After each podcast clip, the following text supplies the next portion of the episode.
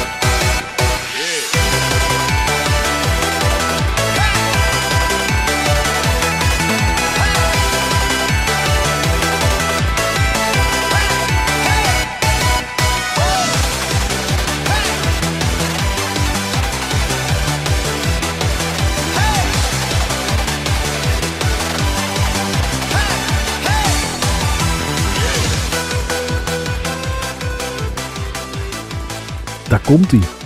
wat, wat heb je gespeeld? Wat heb ik gespeeld? Ja, ik heb niet zo heel veel materiaal als dat ik normaal bij een Button Bashers aflevering zou hebben. Want die namen we om de drie weken op. En nu we- nemen we elke week BB Bulletin op. En dan probeer ik ook iets gespeeld te hebben. Ja, ja, Maar, ja. maar er is wel iets wat ik heb gespeeld waar ik het in BB Bulletin nog niet over heb gehad. En wat wel een, ja, toch wel een aparte release is geweest. En ik wil het hebben over Mario Kart Live Home Circuit. Oh, ja, dat heb jij gekocht. Je had foto's gestuurd. Klopt. Ik ik ben, had- zo, ik ben zo benieuwd. Ik heb niet eens gevraagd hoe het was. Nou, dat is mooi. Want dan hoor, ik, dan hoor ik het ook voor het eerst. Ja, ik heb inderdaad zowel de Mario als de Luigi set gekocht. En mijn broer was een tijdje geleden jarig, dus ik heb hem laten kiezen welke wil jij.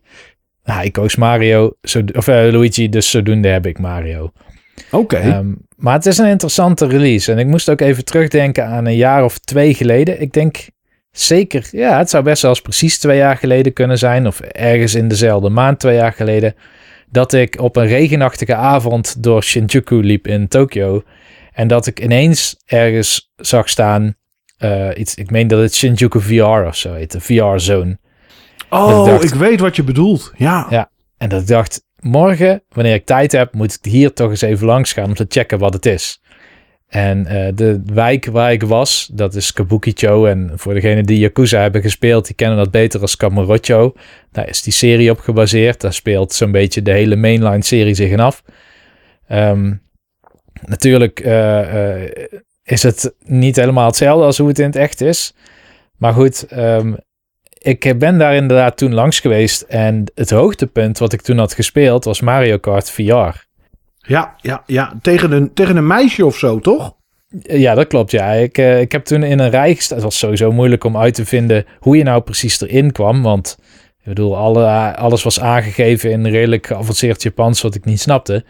Maar ik was inderdaad gepaired met een jongen en een meisje. En uh, je kan kiezen tussen vier auto's. Dus elke opstelling bestaat uit vier auto's: een Mario, een Luigi, een Yoshi en een Peach. En uh, ik zat in de Mario, er zat niemand in de Luigi. En er zat, uh, dat koppel zat zeg maar in de Yoshi, of in de, ja, in de Yoshi en de Peach. En ik kan me herinneren dat ik het super tof vond, want je, je, de kaart bewoog. Er zat pneumatische beweging achter. Het was helemaal in VR. Je had handschoenen die werden getracked, dus je kon dingen uit de lucht pakken en naar andere kaarts gooien. Dus je kon bijvoorbeeld een, een, schild pakken uit de lucht en die gooide je dan richting een andere kaart. Of je had een hamer en daarmee kon je in het rondslaan om je heen. En ik herinner me nog dat ik toen Mario was en dat ik in de ene laatste bocht of zo voor de finish dat uh, Yoshi voorbij kwam en dat ik die echt helemaal kapot heb geslagen. En dat ik dacht van ja, het zou wel leuk zijn, weet je wel, als, als dan dat meisje dan tweede werd alsnog. En toen stapte ik uh, uit de attractie en ik liep naar het koppel toe en ik zei, hey, uh, goed gespeeld. Sorry dat ik op het eind zo los ben gegaan. En toen zei die man tegen mij van ja, dat was ik niet. Dat was mijn vriendin. Hij was Peach. ja, ja. Geen aannames maken, heb ik geleerd. Nee, inderdaad, nee, nee, nee. Maar dat was een leuke, toffe ervaring. En het was niet helemaal genuine Mario Kart. Als je bijvoorbeeld die Namco Mario Kart wel eens hebt gespeeld, een andere VR-unit uh, is dat. Daar zijn er ook twee van. Dan merk je wel dat het, het kent een andere snelheid. Het kent net een ander driving model, zal ik maar zeggen. Uh, het voelt wat minder snel aan en uh, je, je, ligt nogal snel aan de vangrail, zeg maar. Dat is in ieder geval mijn ervaring met die Namco Mario Karts. Mm -hmm. Maar dit is dus een Mario Kart die volgens mij door een Indonesisch bedrijf of zo is gemaakt. Althans de technologie ervan. Want je hebt een fysieke kart en die pair je met je Switch en dan is zeg maar de besturing doe je dan met je Switch Joy-Cons en op je schermpje of op je televisie zie je wat de camera op die kart ziet. Ja, dat vind ik zo goed bedacht. Ja. Want je, je, ja, je ziet gewoon het. Je, ja, je ziet gewoon wat je eigenlijk normaal ook ziet als je Mario Kart speelt. Hè? Ja. En je ziet een kart voor je, in ieder geval, en nu dan een stukje, maar normaal gesproken helemaal. Maar ja, en dat is hoe je dat dan speelt. Ik, het is echt goed bedacht. Ja, dus er zit een fysieke Mario in mijn kart. Alleen die camera zit net hoog genoeg dat die Mario niet zichtbaar is. En dat ze zeg maar een in-game Mario eroverheen kunnen gooien. Dus die Mario die kijkt af en toe om en die, uh, die beweegt van links naar rechts in de bochten. En die kan een paddenstoel vasthouden en vervolgens inzetten en zo. Dat kan natuurlijk die fysieke Mario niet. Nee. Um, en ik heb nou wel ook wel ontdekt dat er een bepaald latency verbergtrucje in zit. Waar ze ook de camera voor gebruiken. Maar kom ik misschien zo nog wel op terug. Maar wat ik heel interessant vond is dat op het moment dat je dan uh, die kart bestuurt vanaf het schermpje dan lijkt het driving model heel erg op de echte Mario Kart games. En daarmee kun je super precies rijden. Dus ook zo'n kart, ik vind het altijd, vond het vroeger altijd heel lastig om een radiografisch bestuurbaar autootje goed te besturen. stond altijd tegen een kast aan of de bocht was net iets wijder dan dat ik hem had ingeschat. Maar je kan bijna pixelperfect door je kamer heen scheuren. Ja, want dat is het hè Niels. Voor de mensen die denken, wat is het nu precies? Je hebt echt gewoon een stuk plastic overdreven gezegd, echt een kaart in je kamer. En je zet in je kamer een baan neer en dat speel je. Ja, misschien had ik dat inderdaad moeten uitleggen. het is Mario Kart Live inderdaad, omdat je, je race door je kamer. Je hebt een radiografisch bestuurbaar autootje, maar wat, er zit een cameraatje in en dat is wat je op je scherm ziet. En verder is het gewoon Mario Kart met tegenstanders op de baan, met vraagtekens die je oppakt, waar items uitkomen, met muntjes die je oppakt, bananen waar je tegenaan kan rijden en waardoor je spint. En um, het is natuurlijk interessant om hoe combineren ze nou die fysieke kamer met zo'n virtuele Mario Kart laag? Ja. Want je ziet dus andere autootjes racen. Uh, je ziet vraagtekens op de baan liggen, die kun je oppakken. En die verdwijnen dan ook. Ook voor de andere spelers. Want ik heb ook wel eens met mijn broer dat we twee karts hebben neergezet. En, en dan, dan is natuurlijk de extra leuke factor dat je elkaar van de baan af kan tikken. Of je kan elkaar laten spinnen of zo. Omdat je tegen iemands achterwiel aan rijdt.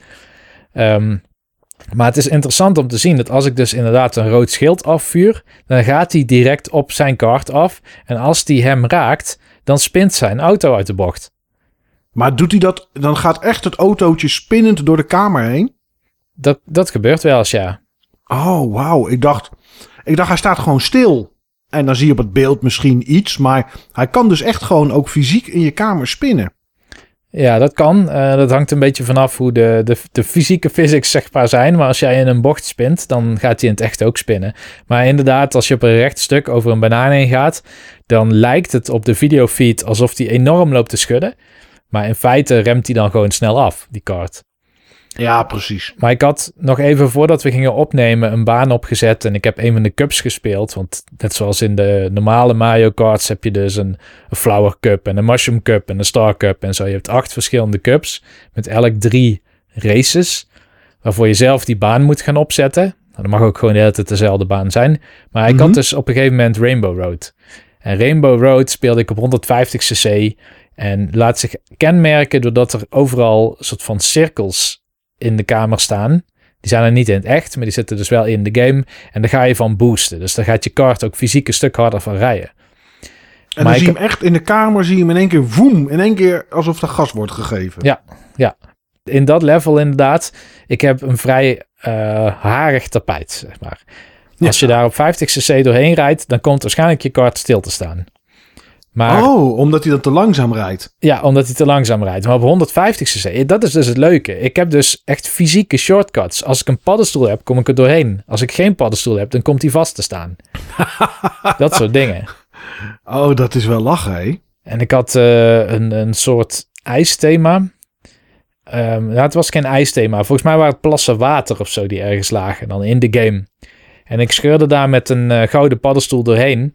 Maar ehm, op een gegeven moment, als je dus door die plas water heen rijdt, dan raak je heel even de controle kwijt. Dus ik ging snoeihard tegen de muur aan met mijn kart. Omdat, En niet, niet kapot dan of zo? De, de, het zijn die dingen een beetje stevig gemaakt? ja, ja, die zijn heel stevig gemaakt, ja. Oké, oké.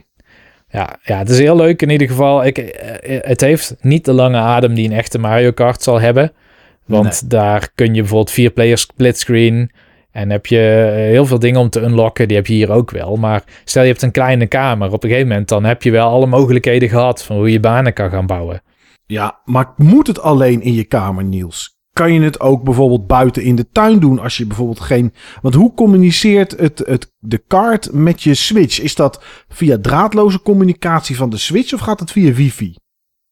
Dat gaat volgens mij via wifi. Volgens Hmm. mij maakt hij op dat moment... Wordt jouw Switch een soort router. Oh, oké. Wordt een soort wordt een soort hotspot, zeg maar. Ja. Voor, voor, oké, dus dan zou je het dus ook mee kunnen nemen en bij wijze van spreken op een mooie dag in het park kunnen spelen. Ja, dat zou je kunnen doen als het park niet allerlei kinderkopjes of rare stoeptegels of zo heeft. Ja, Want nee. da- daar heeft de kart wel last van. Maar eh, je zou zeker absoluut de game ook buiten kunnen spelen als je een goede vloer daarvoor hebt. En hoe groot mag de baan worden? Geven ze daar iets over aan? Is er een limiet of zo? Want er komt natuurlijk een keer een moment dat die kaart te ver weg is van de Switch. Ja, nou dat gebeurt redelijk snel in mijn ervaring. Oké. Ehm, bijvoorbeeld, ik moet niet. eh, ik heb bijvoorbeeld ehm, mijn dock in een hoek van de kamer staan. Mhm. En de kamer heeft een L-vorm. En als de switch in de dock staat, dan moet ik niet, zeg maar, twee, drie muren verderop die kaart rond hebben rijden. Want dan heeft hij geen verbinding meer. Oh, en dat betekent ja. gewoon stotterend beeld in de praktijk. Ja, want hij rijdt dan waarschijnlijk nog wel door of rolt door, komt weer binnen bereik en gaat dan door. Dat is wat er gebeurt, ja. Ja. Hmm. Oké, maar ja, je moet ook weer niet een te kleine kamer hebben, anders kan je weer geen baan bouwen. Nee, nee de baan die bouw je aan de hand van vier gates. Die krijg je bij de game. Dat zijn van die kartonnen poortjes. Die moet je ook alle vier gebruiken. Al zet je ze gewoon achter elkaar is ook prima, maar je moet ze alle vier gebruiken. En ehm, in eerste instantie om een route te bepalen, moet je één keer hoe je de baan wil hebben, moet je voorrijden, zullen we maar zeggen. Dat gebeurt dan heel traag. En Lucky Toe komt dan langs met een emmer verf, die gooit hij over je banden, zodat je zeg maar een verfspoor achterlaat. Van dit moet het circuit gaan worden. En op het moment dat je die sluitend hebt gemaakt, dus dat je weer bij een startpunt hebt, dan berekent de game eh, de randen van de baan en dergelijke. En dan kan het zijn dat Ah. als je een bepaalde cup doet, bijvoorbeeld met eh, een thema waar piranha planten in zitten, dan kan het zijn dat ze dus langs de baan piranha planten zetten, die af en toe happen naar alle cards die langskomen. Oké, want ik vroeg me al af, zeg maar, die, die, die, nou ja, die poortjes die je dan neerzet, die 1 tot en met 4 of zo, of eh 1 tot en met 3 en finish. Of dat iets, iets, iets is wat dan, zeg maar, door de kaart gelezen zou worden, of dat er technologie in zit. Maar dat, dat is dus niet. Het is gewoon een stukje karton en je moet van tevoren één keer de baan proefrijden. Ja, ja. Maar eh, ze lezen wel iets, dus optisch eh, kan ke- kennelijk die kaart of de game die herkent dat poortje. en die weet wel, ook dat het het eerste poortje is. Hmm. En in de game wordt het poortje ook veranderd. Hè? Dus je ziet geen kartonnen poortje in de game staan. Je ziet dan een kasteel of zo staan. Of een stel palmbomen met eh, een startvlag ertussen. Ah, een soort AR is het dan natuurlijk. Ja, dat is heel die Ja. game eigenlijk natuurlijk. Ja, ja.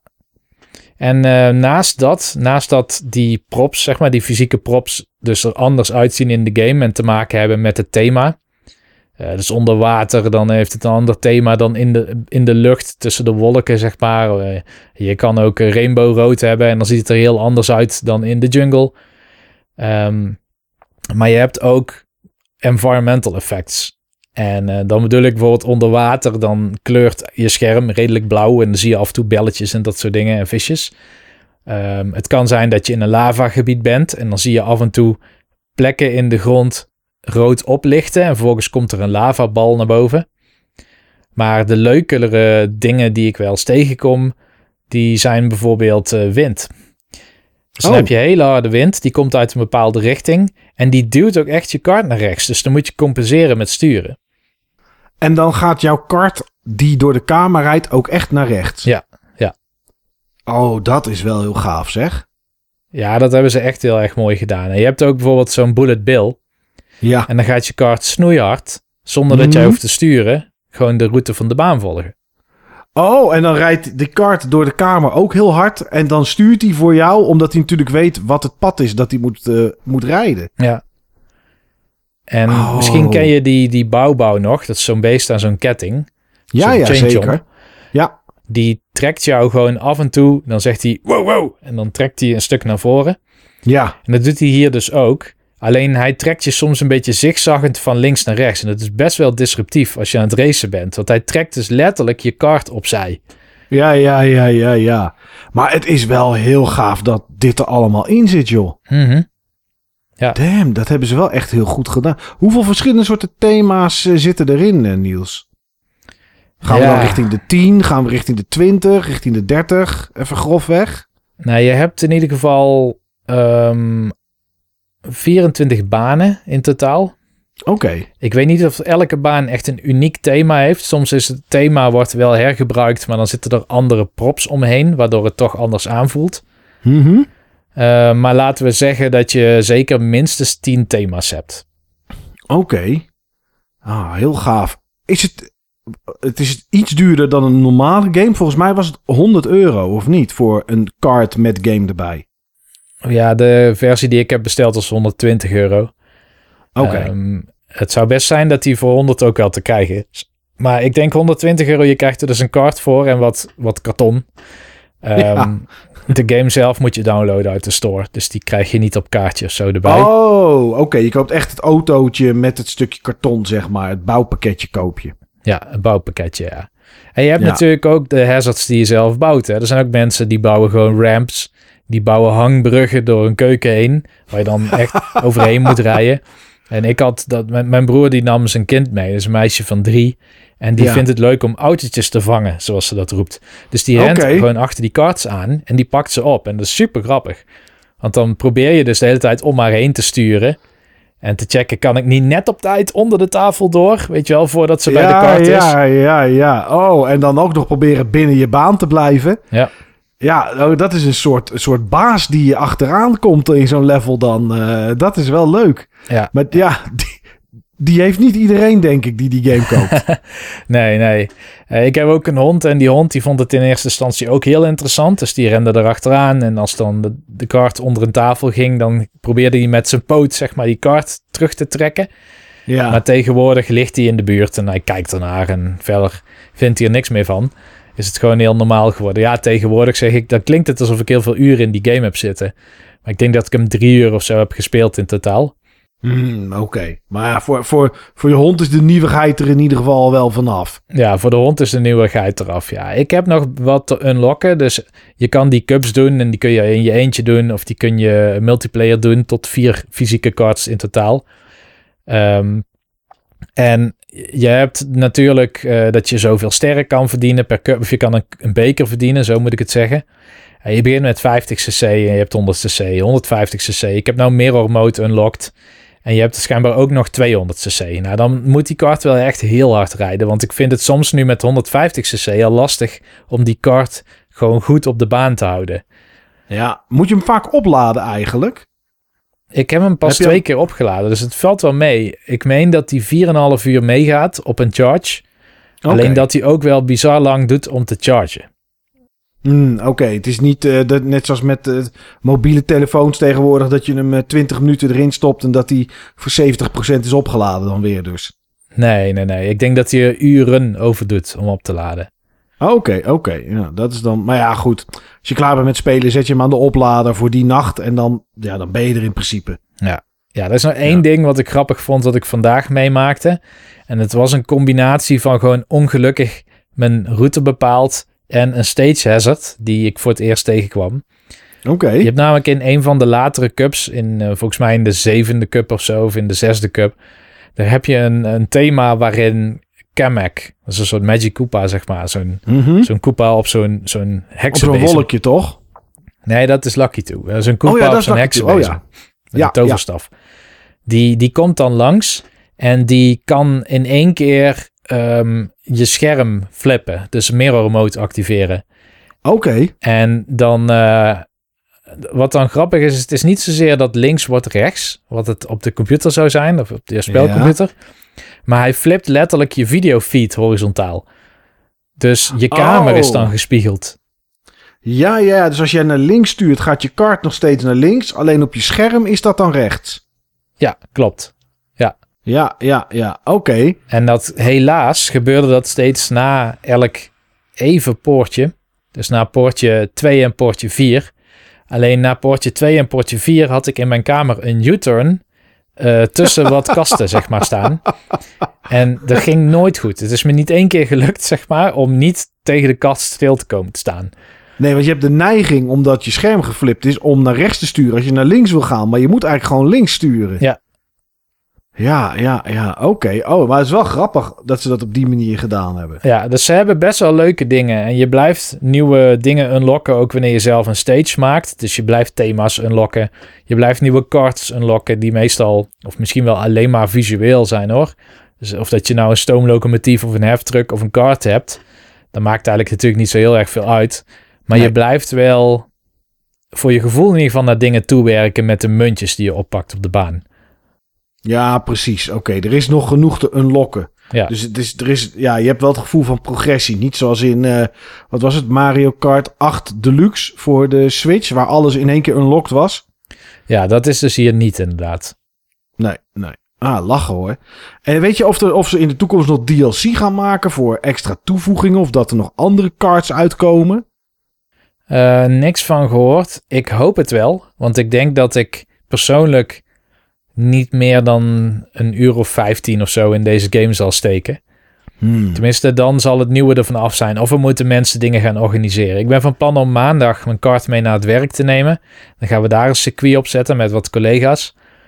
Maar eh, je moet het wel van dat soort dingen hebben. Want op een gegeven moment heb je ook wel de, de, de leuke dingen geprobeerd in de ruimte die je zelf thuis ter beschikking hebt. Tenzij je heel creatief wordt en allerlei banen gaat bouwen met bijvoorbeeld shortcuts waar je alleen doorheen kan met een ster of met een paddenstoel of ramps, ja, weet je wel. precies.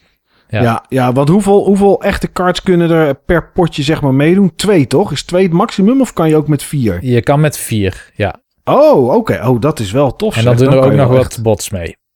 ja, dan kan je wel echt iets organiseren inderdaad als meerdere mensen zo'n card hebben. Ja, je hebt geen battle Hmm. mode, wat wel jammer is. Maar ik kan me wel voorstellen dat je wat ballonnen aan je kaart zou hangen en misschien een spijker op de voorkant of zo doet. En Ja. dan, dan kun je echt battle mode real life doen. Ja, maar ja, ik weet niet hoe lang het goed gaat als je die cards tegen elkaar aan laat rijden. En de een de ander misschien van een tafel afduwt of zo. Of eh, ja. van een verhoging. Ja. Nou ja, wel, wel lachen. Ik, ik vond het lachen toen ik het zag. En als ik het zo hoor, denk ik: oké, dit hebben ze wel echt heel leuk gedaan. Ja. Eh, ja, ik wil even terugkomen. En dat kan eigenlijk niet. Maar ik wil het even hebben over The Last of Us Part 2. En de mensen die BB Bulletin hebben geluisterd. En ik gok dat dat de meeste mensen wel zijn.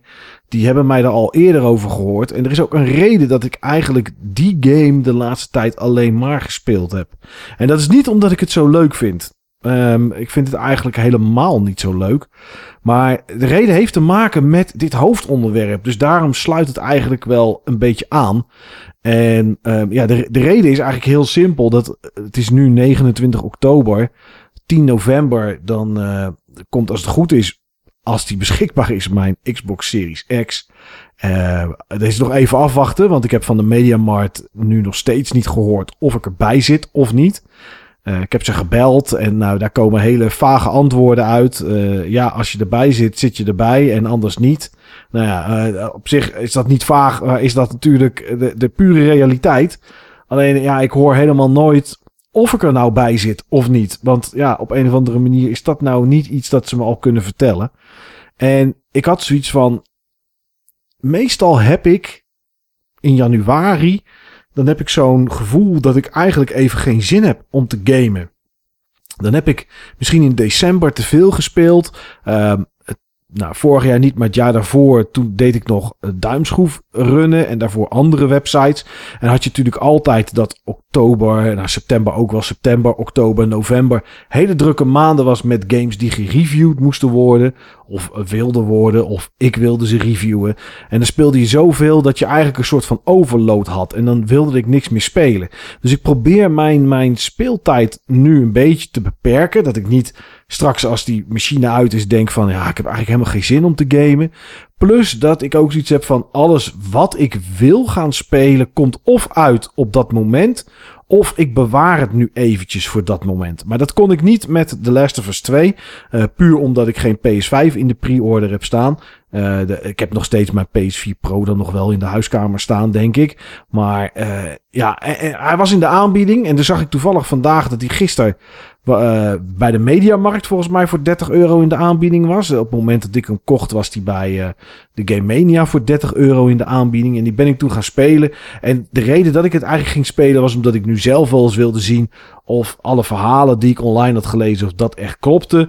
Plus dat ik zoiets had van, ja oké, ik heb deel 1 gespeeld, dan wil ik deel 2 eigenlijk ook wel spelen om te kijken wat daar beter aan is of, of, of minder aan is.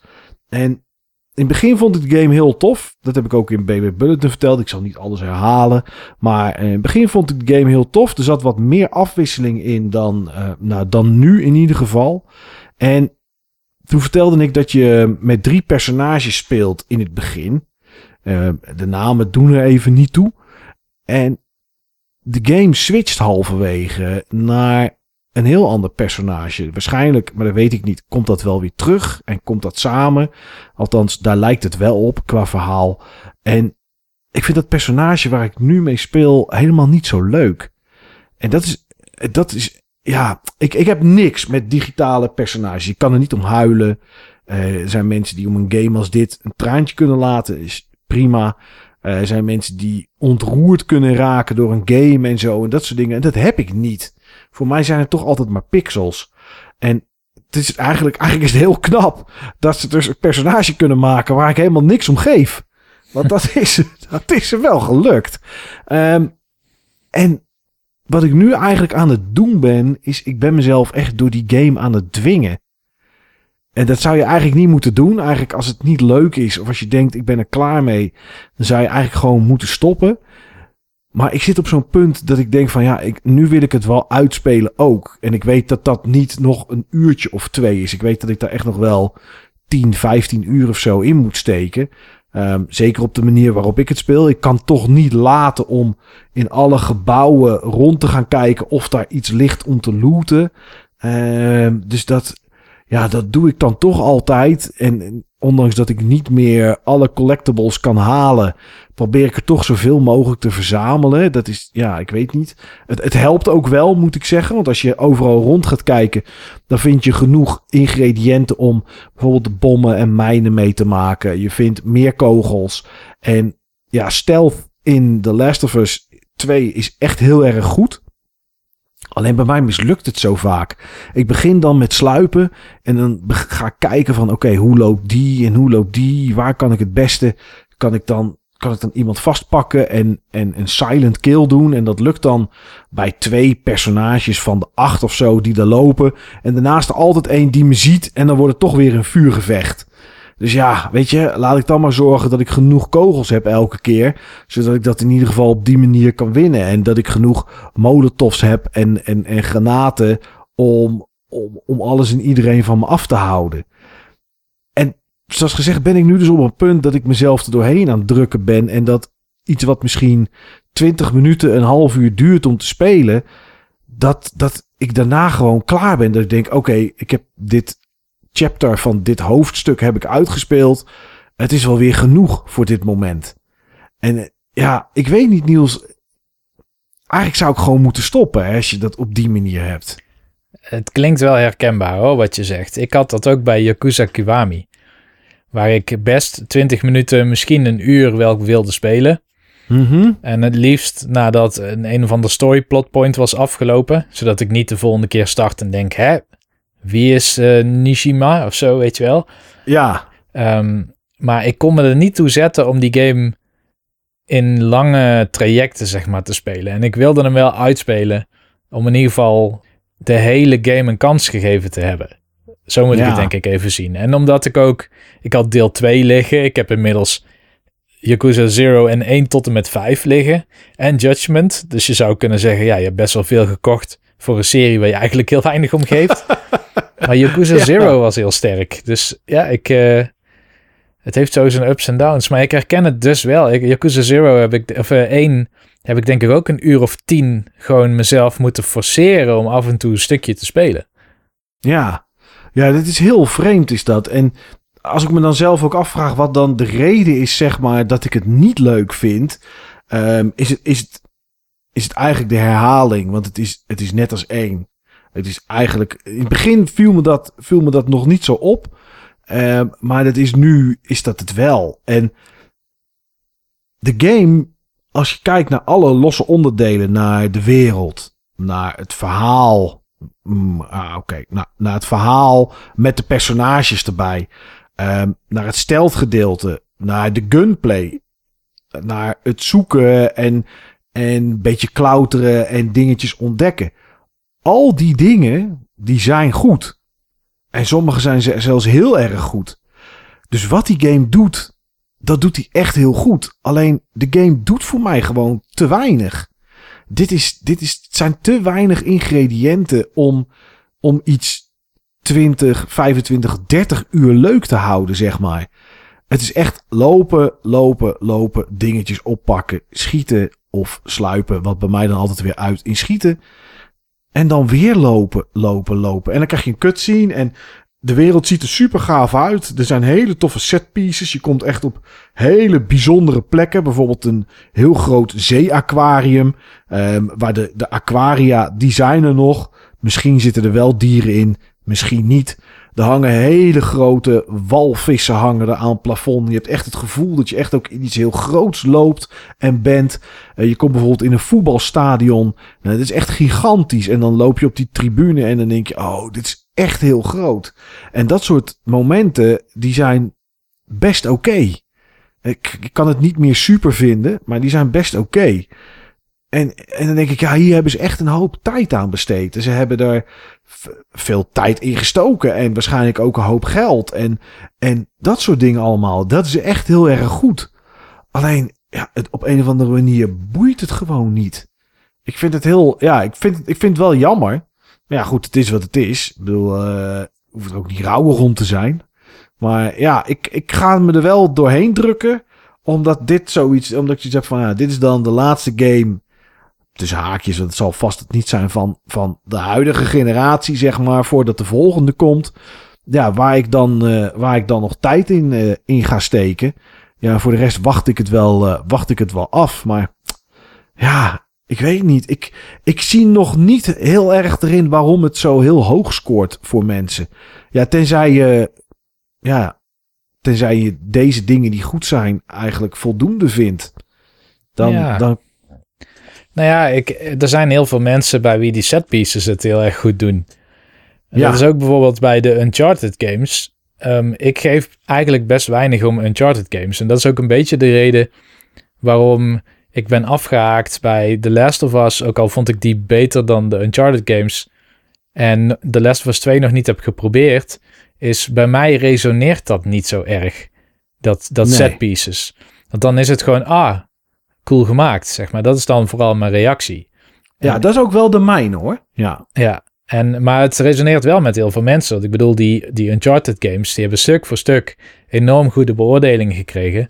Ik ben Ja. dit jaar nog een keer Uncharted 1 gaan spelen in die remaster, of wat was het? Die trilogy, zeg maar, die op de PlayStation 4 ja was de uitgekomen. Nathan Drake Collection. Die, de Nathan Drake Collection inderdaad. En dan opnieuw, zeg maar. Kijk, nu is dat allemaal niet meer zo groot zoals dat het toen aanvoelde. Maar nog steeds zie je wel dat er heel erg ontworpen is van... we gaan de speler verrassen met deze encounter die je bijna niet kan voorstellen. Want dit gebeurt alleen James Bond en Nathan Drake of zo. Ja, ja, ja, ja.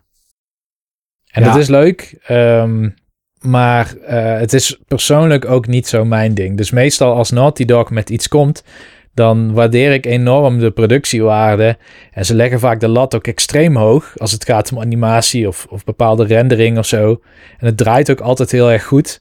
Dus Zeker technisch weten. gezien laten ze geen steekjes vallen, helemaal nergens. Ehm, maar de gameplay is persoonlijk niet helemaal mijn ding. Nee, nee, nee. In het begin zat er nog een stukje soort open wereld iets in. Waarbij je dan kon kiezen of je daar wel wat extra's ging behalen en dingen ging bekijken. Toen dacht ik, oké, ja, als dit nou een beetje de opzet van de game is. Ik snap dat je niet een hele open wereld kan maken. Zeker niet als het zo verhaal gedreven is. eh, dan, dan snap ik wel van, oké, als er straks weer zo'n stuk is, is dat wel interessant. Hè, kreeg, er, nou, ik zal het overdreven gezegd, maar een beetje een Fallout 3 gevoel bij. Echt gewoon, hier staan allemaal gebouwen, die zijn allemaal kapot of overgroeid. En ik, ja, ik kan bij sommige kan ik naar binnen en dan kan ik ja, gaan looten en kijken wat daar is en zo. En soms zijn er wel tegenstanders en soms niet. Ja, dat was best wel, eh, dat was best wel gaaf. Maar ja, dat is dan alleen maar in het begin. En dat eh, komt daarna niet meer terug. Je loopt wel wat meer door, door steden waarbij links en rechts gebouwen zijn en waar je dan alle twee in kan. En misschien nog een gebouwtje erachter. Maar ja, het is toch altijd een trechter waar je in loopt, zeg maar. Omdat, ja, je, je moet toch een kant op. En eh, ja, ja, dat is, ja, dat is dan toch jammer. En ik vind nog steeds de setting waar ik loop, eh, bijna alles. Je hebt dan wel, het wordt wel binnen afgewisseld door zo'n aquarium. Of misschien een keer een honkbalstadion. Maar ja, het grootste gedeelte loop je toch buiten, waarbij het stad is en alles overgroeid is. En dan, ja, ja dat maakt het dan ook niet heel erg bijzonder. Dus eh, ja, ik, eh, ik, zoals gezegd, ik ga me er doorheen drukken. Ik ga het, eh, ik ga het uitspelen. Dat is, dat is wel zeker. Want dat probeer, ja, dat probeer ik in ieder geval te doen voordat ik, voordat ik de volgende generatie console in mijn handen heb. Anders weet ik zeker dat het er niet meer van komt. Maar goed, met nog twee weekenden daartussen en, eh, en wat avonden zou ik daar wel, eh, zou ik daar wel moeten kunnen komen. Maar eh, ja, goed. Ik, ik- ja, omdat ik voor de rest probeer niks nieuws meer te spelen totdat, totdat straks. Ja, dacht ik van ik haal hem even aan. Plus dat dat wel een klein beetje natuurlijk aansluit bij, bij het hoofdonderwerp, Niels. We gaan terugkijken, ja, ja, nou ja, op de vorige generatie.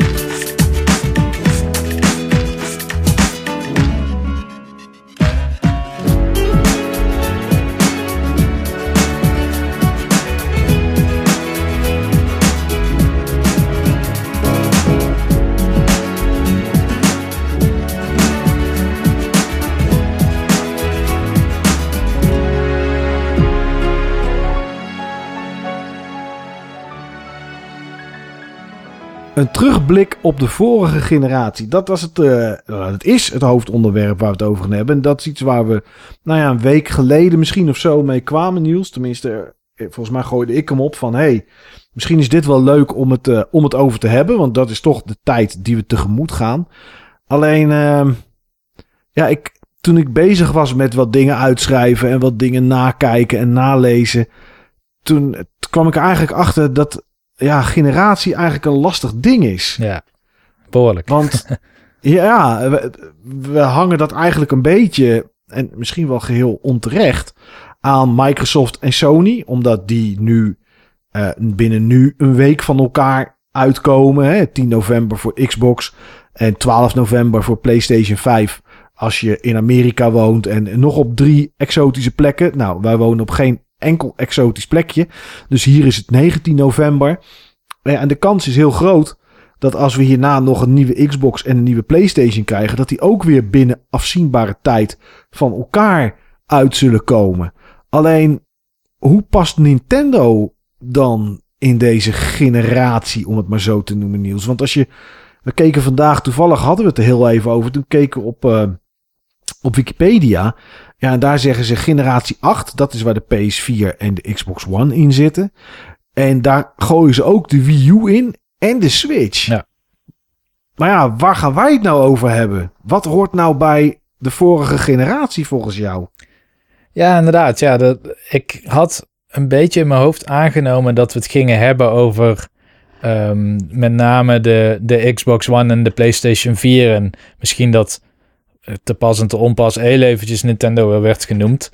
Um, ja. Maar als ik gewoon kijk naar... Ik, ik vind generatie inderdaad lastig te duiden. Wat bedoelen we daar precies mee? Uh, het is niet meer zo dat je zeg maar 8-bit consoles hebt en toen 16 en toen uh, eh, 32 of zo. Uh, maar ze zijn al gewoon de hele tijd 64-bit, echt al, al, al, meer dan een decennium lang. En daar is geen ontwikkeling meer in, dus je kan niet, niet meer dat aspect kiezen. Nee. Je kan nog steeds wel denken aan technologie, maar dan lopen verhoudingen ook op een gegeven moment scheef. Want dan zie je dat um, bepaalde consoles later uitkomen. Bijvoorbeeld een Switch kwam veel later uit dan een PlayStation 4 en een Xbox One. Maar die kon wel weer op de GPU dingen die moderner waren, die de andere consoles niet konden. En dan denk je, ja, waar moet je dat dan onderscharen? Want hij is dan ook wel weer een kwart of zo van de snelheid. ja, nou ja, precies. Ja, dus het blijft moeilijk. En ik heb een keer, ik meen dat het Wittgenstein was of zo. Dat is een, een filosoof. En die had wat moeite met het categoriseren van bepaalde dingen. Um, heel vaak kun je wel een categorie afspreken. Maar hij zei bijvoorbeeld: kun je überhaupt, en hij gebruikte dan toevallig het woord spel. Kun je mm een, een aantal, of misschien kun je een definitie verzinnen, waardoor alle spellen die er zijn binnen de categorie vallen, maar er geen uh, andere dingen ook binnen die categorie kunnen vallen die geen spellen zijn. En toen zei hij van, nou, er is eigenlijk geen definitie denkbaar, want voor elke definitie die je kan bedenken vind je een uitzondering. Maar hij zei, we weten vaak allemaal wel wat we ermee bedoelen. Ja. Ook al kunnen we niet uitdrukken wat er precies wel en niet invalt. En ik vind generatie precies zo'n ding. Uh, omdat het is heel lastig het in technologische zin uit te drukken. Hmm. Want waar, wat is dan een nieuwe generatie? Wat is dan geavanceerder? Is het uh, bijvoorbeeld Nvidia en, en AMD die zeggen uh, de nieuwe generatie is 7 nanometer? Ja. Of RDNA 2, wat je dan nou ziet. Mm -hmm. Ja. Um, maar ja, voor de speler maakt het totaal niet uit op welke productienode iets is gemaakt. Er gaat het er meer om, is het nu mooier dan vorige keer. Precies, en heb ik meer frames per seconde dan de vorige keer. Ja, precies, dat. En, en, maar dat is niet altijd per se een afspiegeling van de technologie die eronder ligt, zeg maar. Dus ja, die is wel moeilijk. Maar nog steeds, als ik aan generaties denk, dan denk ik wel op een of andere manier aan technologie. Ja, ja, goed. Ik had, het, ik had het voornamelijk aan het einde, en dat kom je natuurlijk niet aan, hebben we een, een, top 5. Nou ja, het is geen top 5, maar in ieder geval de vijf favoriete games van de laatste generatie. En ik was zo door al die jaren heen gegaan, eigenlijk door de jaren PlayStation 4 en Xbox One. Omdat dat voor mij dan toch meer het soort idee is bij de generatie. Maar toen kwam ik ook een titel tegen van Nintendo die eruit was gekomen. Ik denk, ja, die hoort zeker in die top 5. Hm. Ehm, alleen ja, dat is een Switch game. Ja, moet hij er dan wel bij? Moet hij er dan niet bij, zeg maar? Bij, bij mijn vijf favoriete games van de laatste generatie? Ja, dat vind ik, dat vind ik dan wel lastig. Ja. Maar ja, het is, eh, ja. De Switch kwam ook zo lekker in 2017 uit gewoon.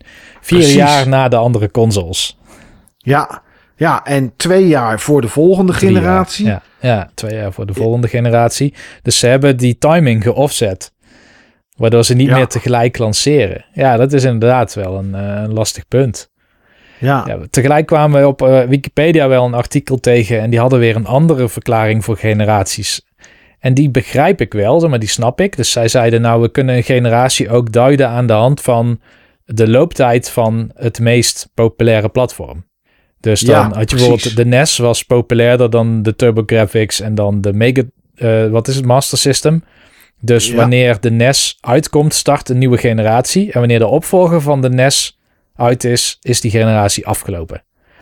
ongeacht of die opvolger dan po- de populairste is van die generatie, zeg maar. Ja, ja. Ja, En dan zie je inderdaad dat NES was populairst. Toen was Super Nintendo populairst. Toen PlayStation 1. Toen PlayStation 2. Toen Wii. Toen PlayStation 4. Zeg maar, dat is dan deze generatie. Ehm, Ja. En, en het, het valt natuurlijk nog maar te bezien of dat PlayStation 4 eh, uiteindelijk meer verkoopt dan de Switch. Maar de opvolger van eh, PlayStation 4, die komt nu al wel uit. Eh, en Ja. op dit moment is de PlayStation 4, die heeft, eh, ik heb geloof ik gezien, dat iets van 113 miljoen. ja 113,6 miljoen Ja, inderdaad. precies. Ja, dat is wel bizar Ja. veel. Dat is gewoon de top 5 tot nu toe. Ja, ja, inderdaad. Dus ja, als je dat aan zou houden, dan zou je zeggen... de vorige generatie, die begon op eh, 15 november in, eh, van 2013... toen die in Amerika uitkwam. Ja. En ja, die eindigt dan straks op, eh, op 12 november... als in Amerika de PlayStation 5 uitkomt. Ja, Ja. Ja, en het kan ook zijn, hè, dat, want dat, dat zie je bijvoorbeeld bij Wii. Ehm, de opvolger van de Wii U was een, of de opvolger van de Wii was de Wii U en die kwam een jaar eerder uit dan de PlayStation 4 en de Xbox One. Ja. Dus technisch gezien was de vorige generatie wel begonnen. Alleen, ja nee, eens. ehm, ja, de, de, duur- de PlayStation 4 is gewoon verreweg het meest populaire platform gebleken. En dat platform, dat topt nu af. Ja, ja. Nou ja, goed, dan moeten we voor deze eh, toch maar een beetje terugkijken dan naar de generatie die we dan maar duiden als de PS4 zijnde. Ja, goed, eh, we kunnen het ook niet hebben over hoe is de Switch geweest. Want ja, goed, die is nog springlevend. En de Wii U, ja, dat is inmiddels alweer een, een jaar of drie geleden dat dat ding eh, nog een klein beetje populair was.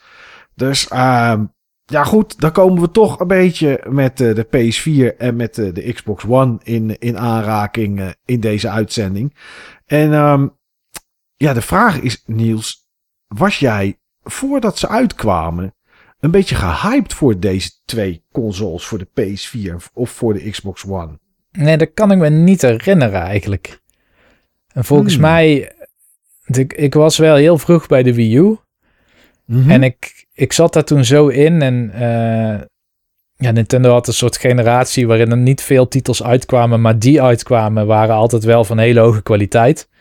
Ja. Dus ik was toch wel bezig met gamen, weet je wel. Ik keek het wel even aan wat de volgende generatie consoles van Sony en Microsoft zouden gaan doen. Dus ik kan me niet herinneren dat ik dacht, oh, hier moet ik meteen bij. Ik heb beide consoles ook bijvoorbeeld niet bij launch gekocht. Oké, niet. Nee. nee. Nee, ik heb dat toen wel gedaan. Ik heb toen Xbox One gekocht. Ik weet eigenlijk nu, als je het me zou vragen, niet precies meer waarom. Waarom ik daarvoor ging en niet voor een PS4. Eh, waarschijnlijk omdat die PS4 toch heel lastig te krijgen was en eh, met pre-orders lastig was. En ik toch ook wel een beetje, en het is natuurlijk de meest slechtste reden die er is, maar eh, een beetje hakken in het zand wilde doen. Voor alle fanboys die helemaal PS4-minded waren. En ik dacht van, weet je, dan koop ik wel een Xbox One. Dan wil ik wel zien wat dat ding dan in huis heeft. En ja, de aanloop was natuurlijk niet heel best. Dat eh, voor, voor, voor Microsoft. We kennen allemaal de onthullingen van, uh, van de machine. Die voor, uh, die voor de Xbox One was in uh, mei 2013. Toen werd hij voor het eerst aangekondigd. Nou ja, daarna kregen we natuurlijk de debakels van verplicht online. Verplicht Kinect gebruiken. Games werden gekoppeld aan je account en online geregistreerd. Dus je kon niks uitlenen. Je, tweedehands games waren niet mogelijk. Dus ja, ik kan ja, ondanks dat ik toch besloot om een Xbox One op een gegeven moment te kopen, was dat nou niet zo omdat de, de build-up, zeg maar, naar de release datum, die ook nog eens verschrikkelijk was hier in, in Europa, maar dat zo, uh, was nou ook niet dat ik daar heel erg hyped over was. Ik, uh, ja, het, het was allemaal niet zo, niet zo best bij Microsoft. En ja, Sony deed dat wel een heel stuk beter. Die kondigde de PlayStation 4 aan in februari van 2013. Dus die waren iets, iets eerder. Um, hadden ook, in tegenstelling tot Microsoft, nieuwe features die voor de spelers waren, zeg maar. Microsoft kwam met verplicht online, Kinect verplicht en geen tweedehands games. Sony kwam met nou, hier een legendarische video. Zo leen je een game uit aan iemand. Nou, je pakt het doosje op, je geeft hem en je zegt, oh, alsjeblieft, veel plezier ermee. Uh, dat was natuurlijk een, een, een, een, een dolk in het hart van Microsoft. Maar Sony kwam met een touchpad op de controller. En een speakertje in je controller. En Microsoft kwam met, ja, je moet verplicht Kinect hebben. En dat ding is eigenlijk altijd aan het luisteren. Want je kan zeggen Xbox on en plup, dat ding springt aan. Dus ja, het waren nou niet echt, echt ja, Microsoft verkocht het ding natuurlijk heel slecht nieuws. Hij was ook nog eens duurder, hè, de Xbox One. Ook nog eens, ja. Ja. Dat klopt inderdaad, omdat die Kinect erbij zat. Die, die, die maakte hem een stuk duurder, want die technologie moest natuurlijk ook betaald worden. Ja. Ja, ja dus ik was ook niet zo heel erg gehyped. Eh, er zat wel allerlei hype om mij heen van mensen, vooral die een PS4 wilden. En die waren natuurlijk super schaars. Want uh, hij kwam hieruit op 29 november 2013. In Amerika een week eerder. Of nou, nee, 14 dagen eerder zelfs. 15 november. Maar ja, als je een Xbox One hier wilde kopen in Nederland. Gewoon echt hier zo naar de winkel gaan. Ja, dat ding kwam uit op 22 november 2013. Wel wereldwijd. In Amerika, eh, Australië en in november. Hè, Europa bedoel ik. Niet in november. Het was wel in november. Maar daar kwam die uit op 22 november.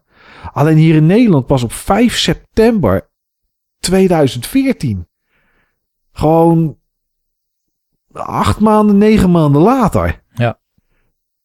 En de reden was, ja, eh, het moest allemaal gelokaliseerd worden naar het Nederlands. En daar hadden ze dan nog geen tijd voor gehad. Of, of, of nou ja, eh, welke slecht e-, excuus het ook was. Ja, dat, het was gewoon, alles was eigenlijk verkeerd nieuws. Aan heel die pitch van Microsoft. Ja, ja, en ik denk dat dat ook is waar Microsoft veel aan heeft geleden. Maar misschien ook wel waarom we, waaraan we te danken hebben dat ze met de Xbox Series X zo goed aanpakken. Ja, dat denk ik wel. Ik denk dat ze, als ze alles omdraaien wat ze toen gedaan hebben, en daar lijkt het wel op, ja, dan, dan doen ze wel echt, ja, doen ze het zoveel beter. Ja, nu maakt geen van de beide consolemakers echt grote fouten, zoals toen bij Microsoft wel het geval was. Nee, maar je zou wel, denk ik, rustig kunnen stellen dat Microsoft een stuk beter is, in ieder geval dan toen. Uh, Dus van de fouten heeft geleerd, maar ook eigenlijk bijna geen steken laat vallen. Eigenlijk alle nieuws die we krijgen van Microsoft al maandenlang is altijd positief. Is altijd weer net een stap voor op de concurrentie. Ja, nee, dat is het inderdaad. Ja, ja, ja, ja. En Sony doet het niet slecht. Alleen ze doen. Ja, de communicatie is gewoon wat gebrekkig bij Sony. En dat is, uh, en dat is, echt, wel, dat is echt wel zonde. Dat, als ze dat beter zouden doen, zou het een wereld van, wereld van verschil zijn nu. Um, ja, goed. Terugkijkende naar de, naar de lancering. Um, PlayStation 4, zoals gezegd, kwam hier op 20 eh, november, 29 november 2013 uit. Uh, Sony had daar zelf vijf games bij ter launch. En ik heb die lounge best wel een soort van meegemaakt, Niels. Er zit één game bij die ik helemaal niet ken. Ze hadden Flower. Nou, die hadden we al op de PS3. Killzone Shadowfall. Die was natuurlijk nieuw en dat was natuurlijk de grote titel. Uh, Neck. dat zou ook een grote titel moeten zijn, maar dat was het toch niet Een echt. grote meme. ja, dat, dat inderdaad. Resogun, die kwam Ja, uit. ja. Die vond ik wel echt heel goed. En Sound Shapes. Wat is dat? Ja, de naam komt me heel bekend voor. Ik heb het niet gegoogeld en ik denk, nou, jij kent het misschien wel. En dan, dan hoor ik van jou wel wat het was. Maar ik, ik heb geen flauw idee wat dit, wat dit was. Ik-. Ik weet het ook niet meer, nee. Nee. Nee. Nee. Ja, dat is best raar. Goed, er waren eh, redelijk wat third-party titels die we niet allemaal eh, gaan noemen. Want ja, die zijn er altijd wel.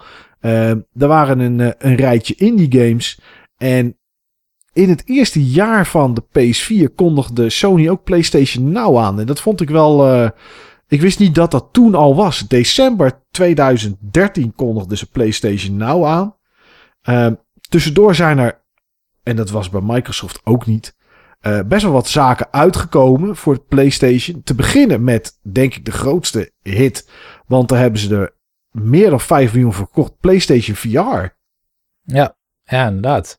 Die heb ik hier Ja. ook thuis liggen. Doe een beetje aan Mario Kart denken. Je moet er heel veel voor doen om hem op te zetten. ja, Ik wil trouwens Ja. toch nog heel eventjes terug, hè, want ik zit eventjes te denken bij de launch. Wat ik wel gaaf vond aan de PlayStation 4 lancering, was dat Killzone Shadowfall wel echt een next-gen showpiece was. Op een manier die we nu niet hebben, bijvoorbeeld bij de Xbox Series X en de PlayStation 5. Nee, nou nee, inderdaad. En ik heb vandaag heb ik nog even wat gameplay terug zitten kijken. Kijk, eh, dat is YouTube en dat, eh, dit, dat, is, dus dat is sowieso anders. En ja, tuurlijk is het niet zo mooi als de games die we later hebben gekregen. Maar Killzone Shadowfall ziet er nog steeds echt heel goed uit. Ja, En dat is, eh, ja, dat is best wel bijzonder eigenlijk. Dat zoveel tijd later dat nog steeds zo is. Ja, er zou nog een andere game, bedenk ik me in één keer, uitkomen tijdens de lancering van de PS4. Ook een Sony-titel. Weet je nog welke? nou, ik denk dat eh, gedurende een jaar of zes was de kans dat, ehm, hoe heet ook weer? Eh, met dat Oh. beest wat ik... eh, The Last Guardian. ja, Ja. Die- ja, die zou zes jaar lang elke dag uit kunnen komen, inderdaad. Ja, daar heb ik een statue van, hè? Van de, de, van de special Van edition. beest? Oké. Ja, nee, die is het niet. Drive Club, die zou er ook zijn op oh dag ja, 1. ja, ja. Ja, ja, en die werd, ik weet niet wanneer die wel uitkwam, maar die werd, eh, ja, die werd ook behoorlijk uitgesteld. Eh, want ik weet nog dat voordat de PlayStation 4 er was, dat ik die game wel eens gespeeld heb om, eh, om te testen. Misschien tijdens, ehm, hoe heet dat ook alweer? In de jaarbeurs, wat nu ook niet meer is. Dit jaar First Look? sowieso niet. First Look, ja. Ja, daar heb ik toen, eh, toen hadden ze op bij First Look, dat is, dat was toen altijd gewoon zaterdag en zondag. De laatste jaren was het ook op vrijdag. En toen hadden ze de vrijdagavond speciaal voor, eh, voor de pers hadden ze dat geopend. En dan kon je daar PlayStation 4 spelen Ja. in, de, in de jaarbeurs. En daar was ik toen. En toen heb ik daar in ieder geval Drive Club een eh, stukje ja, geprobeerd te spelen is het eerder. Want het zijn echt mijn games niet. Maar eh, ja, Drive Club bedenk ik me nu in één keer. Die zou ook uitkomen. Je had toen Ja. ook zo'n pop-up store op Utrecht Centraal, waar je ook voordat de PlayStation 4 uitkwam, dat je al wat kon spelen. Daar ben ik toen ook nog geweest. Maar ik weet niet meer wat ik daar dan heb gedaan. Hmm, dat weet ik ook niet. Ik weet ook dat die er voor VR is Ja, geweest. daar ben ik wel geweest. Ja, dat weet ik. Kan ik me nog wel herinneren dat jij daar bent geweest, inderdaad. Ja, ja. Ja, nou ja, goed. Straks komen nog wel de dingen die gebeurden tijdens deze generatie, om het maar zo te noemen. Maar VR was er natuurlijk eentje van. Het kwam op 13 oktober 2016 uit. Volgens mij was dat het weekend, nou ik weet zeker, dat wij Gears of War 4 gingen spelen, Niels. Want toen had jij dat meegenomen naar mij. Mhm. Toen had je het net gekocht. Maar 5 miljoen stuks verkocht eh, tot aan januari 2020. Waar de teller nu op staat, dat eh, nou, ja, kon ik niet zo snel terugvinden. Maar ik vind dat nog best wel, eh, best wel veel eigenlijk. Ja, voor zo'n, is- zo'n expa- of wat is het? Een accessoire. Ja, Zeker. ja zeker. Ja, Ja, En veel support. Voor, dat vind ik wel ook nou, misschien nog wel eigenaardiger. Veel support voor een accessoire die slechts 5 miljoen keer is verkocht. Ja, nou daar zeg je wat. Toevallig zat ik van de week een video te kijken van... Volgens mij was het Metal Jesus. En Metal Jesus, uh, Metal Jesus Rocks, zo heet het kanaal. En Metal Jesus die ging de Oculus Quest 2 vergelijken met de PlayStation VR. Wat hij dan beter vond. Nou, qua technisch en zo was Quest 2 allemaal stukken beter. En dat soort dingen. Maar hij had het over de support en zei dat er of 600 of meer dan 600 games waren op PlayStation die VR-support hebben gehad of speciaal voor VR zijn gemaakt. Hm. En dat is echt wel veel. Ja, ja dat, 600. Het was ook um, toen PlayStation VR uitkwam, wel meteen een soort van dominant platform binnen VR. Dus je had wel uh, de, de, hoe heette die ook weer, Oculus Rift. Ja, en de HTC 5 denk ik dat je had op dat moment. Ja, of, ja, of misschien... Ja, die was er denk ik al wel. Het kan ik me niet meer goed herinneren welke volgorde het... Ja, die was er denk ik wel. Um, maar de PlayStation 5 had meteen een best wel grote installbase.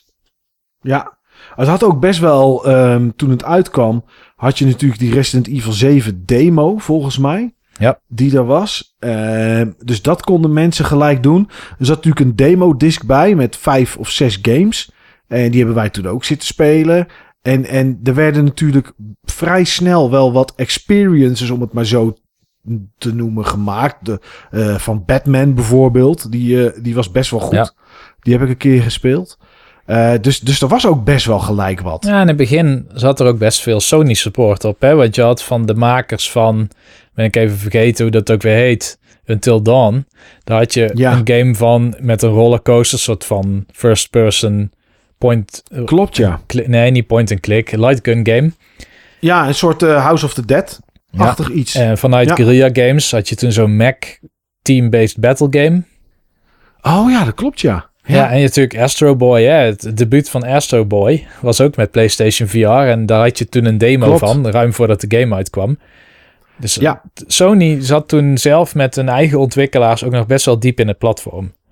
Ja, ja dat heeft ze geen windeieren gelegd uh, uiteindelijk. Uh, er is nog geen PlayStation VR-set aangekondigd voor de PlayStation 5. Um, ehm, als je nu je VR-set hebt, dan, um, ja, dan kan je hem ook nog niet aansluiten op je PlayStation 5 als je die koopt. Maar sinds een dag of twee volgens mij uh, heeft Sony een website geopend waarbij je een uh, gratis, als je een PlayStation VR hebt, een, een, uh, een verloopje kan, kan, kan aanvragen. En die sturen ze dan naar je op, kosteloos, zodat je je PlayStation VR op de PlayStation 5 aan kan sluiten. Dus ja, dat doen ze wel echt heel netjes, moet ik zeggen. Ze laten het niet vallen. Je kan gewoon, ja, je kan hem straks gewoon aansluiten op, op de PS5. Dus ja, dat is wel heel, heel tof. Toevallig was er vandaag een interview met Jim Ryan van PlayStation. Mhm. Dat er ook wel op duidt dat er voorlopig geen PlayStation VR 2 komt. Hij zei zelf dat hij zei letterlijk: I think we're more than a few minutes from the future of VR. En zal het dit jaar zijn? Hmm. Nee. Zal het volgend jaar zijn? Nee. Dus hij, hij gelooft wel in VR, maar hij ziet het nog wel een hele tijd duren voordat het echt de volgende stap zet qua support. Ja, precies. Hmm. Oké. Nou, ik ben wel benieuwd ben wel benieuwd uh, wat het. Ja, ben benieuwd inderdaad wel wat de echte volgende stap is. Want die Quest 2 die nu uit is, is wel een soort van volgende stap. Tenminste, een klein stapje dat je hem zonder PC kan gebruiken. Uh, je kan hem wel koppelen aan PC en dan kan je gewoon ook daar je games natuurlijk spelen. Maar die is natuurlijk standalone en dan ook best wel een goed standalone. En de kwaliteit gaat omhoog van de schermpjes en dat soort dingen allemaal. Dus dat is wel, uh, ja, dat is wel nice. Uh, we hebben drie uitvoeringen gehad door de tijd heen van de PS4, de PS4, de Pro en de Slim. En Sony heeft nog iets tussendoor uitgebracht wat, uh, wat ook nieuw was. Als je innovatie zocht, dan moest je eigenlijk wel de vorige generatie bij, uh, bij Sony zijn. Met, nou ja, met touchpad, wat ik net al zei. Uh, wat je ook als, als knop kon gebruiken, maar waar je door dingen heen kon bladeren of kon swipen op een telefoon uh, in een game en dat soort dingen. Uh, het microfoontje natuurlijk, wat erin zat. VR. En ze hadden nog Playlink. Dat hebben ze natuurlijk ook nog uitgebracht. Games die, die op je PlayStation speelden, maar waarbij je telefoon die in hetzelfde wifi-netwerk zat als controller gebruikt kon worden. Ja. Ik weet niet hoeveel games ze ermee uitgebracht hebben. Ik denk dat het, nou, ruwe gok, dat het er 15 zijn geweest. En dan zit ik denk ik nog hoog. Maar eh, zoiets als SingStar hebben ze bijvoorbeeld mee uitgebracht. Waarbij je telefoon de microfoon werd. Zodat je niet meer een setje microfoons hoeft te kopen. Net zoals dat bij de, bij de PlayStation 3 het geval was. Ehm, ze hebben quiz-spelletjes hebben ze gehad. Die heb ik nog best veel gespeeld. Moet ik eerlijk zeggen. Uh, dit met, uh, met mijn dochter en met, met Bianca, uh, met de kerst of zo. Dat voordat de visite kwam of voordat All You Need Is Love begint op kerstavond. wat dan stevast hier gekeken wordt in huis. Toch nog eventjes even quizzen zeg maar. En dan hoeft niemand met een controller in zijn handen te gaan zitten. Ik heb er ook geen drie. Niemand hoeft je knoppen uit te leggen. Alles kan eigenlijk met je telefoon. Dus dat werkte wel super, super handig. Ik zal niet zeggen dat het altijd super goed werkte, maar dat was toch best wel, best wel aardig. En zelfs, en dat vond ik echt wel heel tof, dat als je geen wifi zou hebben in je huis. En dat, nou ja, dat is tegenwoordig denk ik een soort van ondenkbaar. Maar dan werd je PlayStation 5 werd gewoon een, een hotspot. En dan kon je gewoon daar naartoe connecten Mm. met je telefoon. Ja, Ja, net zo'n beetje als de Switch, eh, zeg maar, met, eh, met, met Mario Kart Live. Ja, dat werd dan eh, gewoon een wifi-apparaat. eh. ik vraag me altijd af, kijk, een microfoon is natuurlijk een soort omgekeerde speaker. Maar ik vraag me af of je dan die wifi om kan draaien en dat die in één keer kan gaan uitzenden. Ja, blijkbaar kan dat. ik weet Maar, niet hoe het eh, werkt. Misschien wel. Nee, ja. Maar wel, ja, wel, wel, wel grappig dat ze dat soort dingetjes geprobeerd hebben. Een hoop gaat er volgens mij ook weer van verloren. Want ehm, nou ja, in, de, in de PlayStation 5 zit dan eh, zit wel de touchpad. Dat zit er nog steeds op. Maar Playlink zullen we niet meer terugzien. Nou ja, VR hoorde net van jou. Daar komt voorlopig nog niks nieuws voor in ieder geval. Dus ja, weet je, het, eh, ze proberen elke keer wel iets. Maar ja, dat was wel in tegenstelling tot Microsoft was dat wel... eh, ja, deden ze nieuwe dingen die, die het publiek bevielen, zeg maar Niels. En niet, ja, account koppelen, Kinect verplicht en dat soort grappen. Ja, ja, dat klopt. En toch vond ik ehm, PlayStation met de PlayStation 4 generatie een stuk conservatiever dan tijdens de PlayStation 2 en 3. Qua games die ze uitbrachten of qua hardware? Ehm, met name qua games dan. Hmm. Dus bijvoorbeeld, Ja, voor, om een voorbeeld te noemen, tijdens de PlayStation 3 hadden we ehm, games als The Resistance, als Warhawk, SingStar, Buzz, weet je nog, met die drukknoppen. ja, ja, met die knoppen, ja. En, en deze, eigenlijk deze generatie zag je dat soort dingen minder. Zeg maar. Je krijgt toch meer sequels van bestaande. Er was geen Ape Escape, geen Siphon Nee. Filter, ehm, Geen Sly Raccoon. Sly Raccoon inderdaad. Ze hebben best wel een toffe library aan IP's, maar om een of andere reden ehm, was het bijna allemaal een beetje op dezelfde doelgroep of zo. Dus of dat je nou Days Gone speelt, of The Last of Us, of Uncharted, ehm, Of God of War. of, of God of War, inderdaad. Eh, het was allemaal meer dat semi-realistische third-person action game. Ja. Met set pieces. ja. ja, nee, daar heb je wel gelijk in. Als je kijkt naar inderdaad naar, naar de PlayStation 3. eh, toen kwamen ze met Little Big Adventure bijvoorbeeld.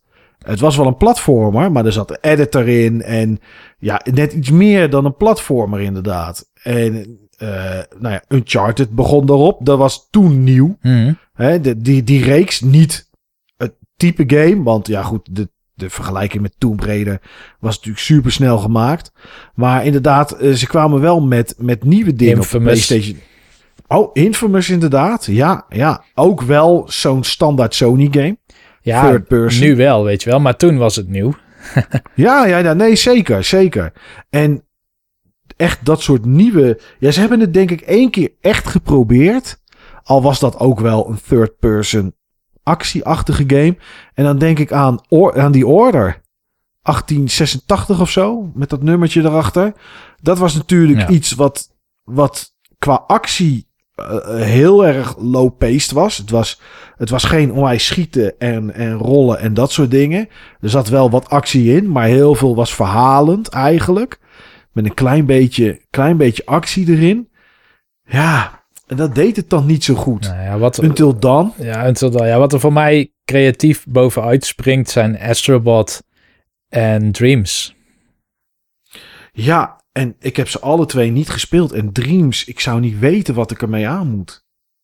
Ja, dat, dat heeft inderdaad niet jouw doelgroep, zal ik maar zeggen. Ehm, Nee, nee, nee. want je moet wel. echt gaan bouwen, weet je wel. Daar moet je de lol uit halen. Ja, En bij Astrobot, ja, dat is gewoon een VR-titel. ja, maar wel een hele goede. Ja. Ja. Ja, absoluut. Ik vond die echt heel erg gaaf.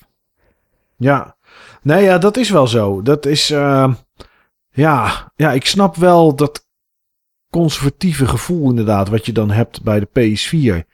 Het was weer een God of War. Het was weer een Uncharted. Het was weer een Killzone. Ik bedoel, hè, ondanks dat we er eentje hebben gekregen dat het aan het begin was...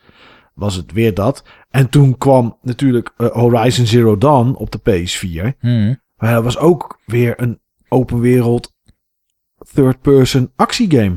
Ja, het vulde wel een soort niche, omdat het ook een beetje roleplaying-achtige aspecten had. Ja. Het was wel weer net, het was in ieder geval een grote nieuwe IP, wat wel heel tof is inderdaad. Maar je ziet niet meer zoveel experimenten om bijvoorbeeld andere doelgroepen aan te spreken. Het spreekt wel elke keer zeg maar, die doelgroep tussen de 14 en de 22 heel hardcore aan. En wat daarboven Ja. komt is mooi meegenomen. Ja, ja of daaronder ja. komt Nee, helemaal. ja, ja, nee, daar heb je wel gelijk in inderdaad. Ja, ja. Als we eens kijken naar de Xbox One. eh, kwam in Nederland dus uit op 5 september 2014. Had qua eh launch-titels van Microsoft zelf, al waren ze niet helemaal van Microsoft zelf, maar Dead Rising 3 in ieder geval wel exclusief voor, ehm, eh, voor, voor op dat moment trouwens, voor de Xbox One. Eh, Killer Instinct was er op dag 1. Eh, Rise, Son of Rome. Die Oh was ja. ook, eh, ja. ja, die was ook exclusief voor, ehm, voor Xbox. Ja, en Zoo Tycoon hadden ze op dat moment. Dat was ook eh, exclusief. Ja, en als het goed is Xbox Fitness. Maar nou ja, goed, daar zullen niet heel veel, eh, zullen niet heel veel mensen eh, zullen daar naar, naar uitgekeken hebben. Hoeveel er verkocht zijn, dat is eigenlijk onbekend. Volgens mij is Microsoft gestopt met het vertellen van de aantallen rond de 50 of 60 miljoen. Maar het Ja. zou minder kunnen zijn, want ik heb eigenlijk het gevoel dat ze daar in totaal zijn op uitgekomen misschien. Ja, ik denk dat- inderdaad. Ik vermoed onder de 60 miljoen. En ja, dit kennen we wel. Ehm, PlayStation heeft zo ooit een periode gehad dat ze alle PlayStation producten bij elkaar optelden en dat nummer publiceerden. Oh ja, inderdaad. Dat was ja, tijdens de PlayStation gedaan. 3 eh, fase was dat ergens. Dan kwam PlayStation. Namen ze de PSP mee, Precies, toch? ja. Ehm, nu niet. Nu, nu wordt elk nummer wordt nauwkeurig gepubliceerd, want het zijn ook hele indrukwekkende getallen.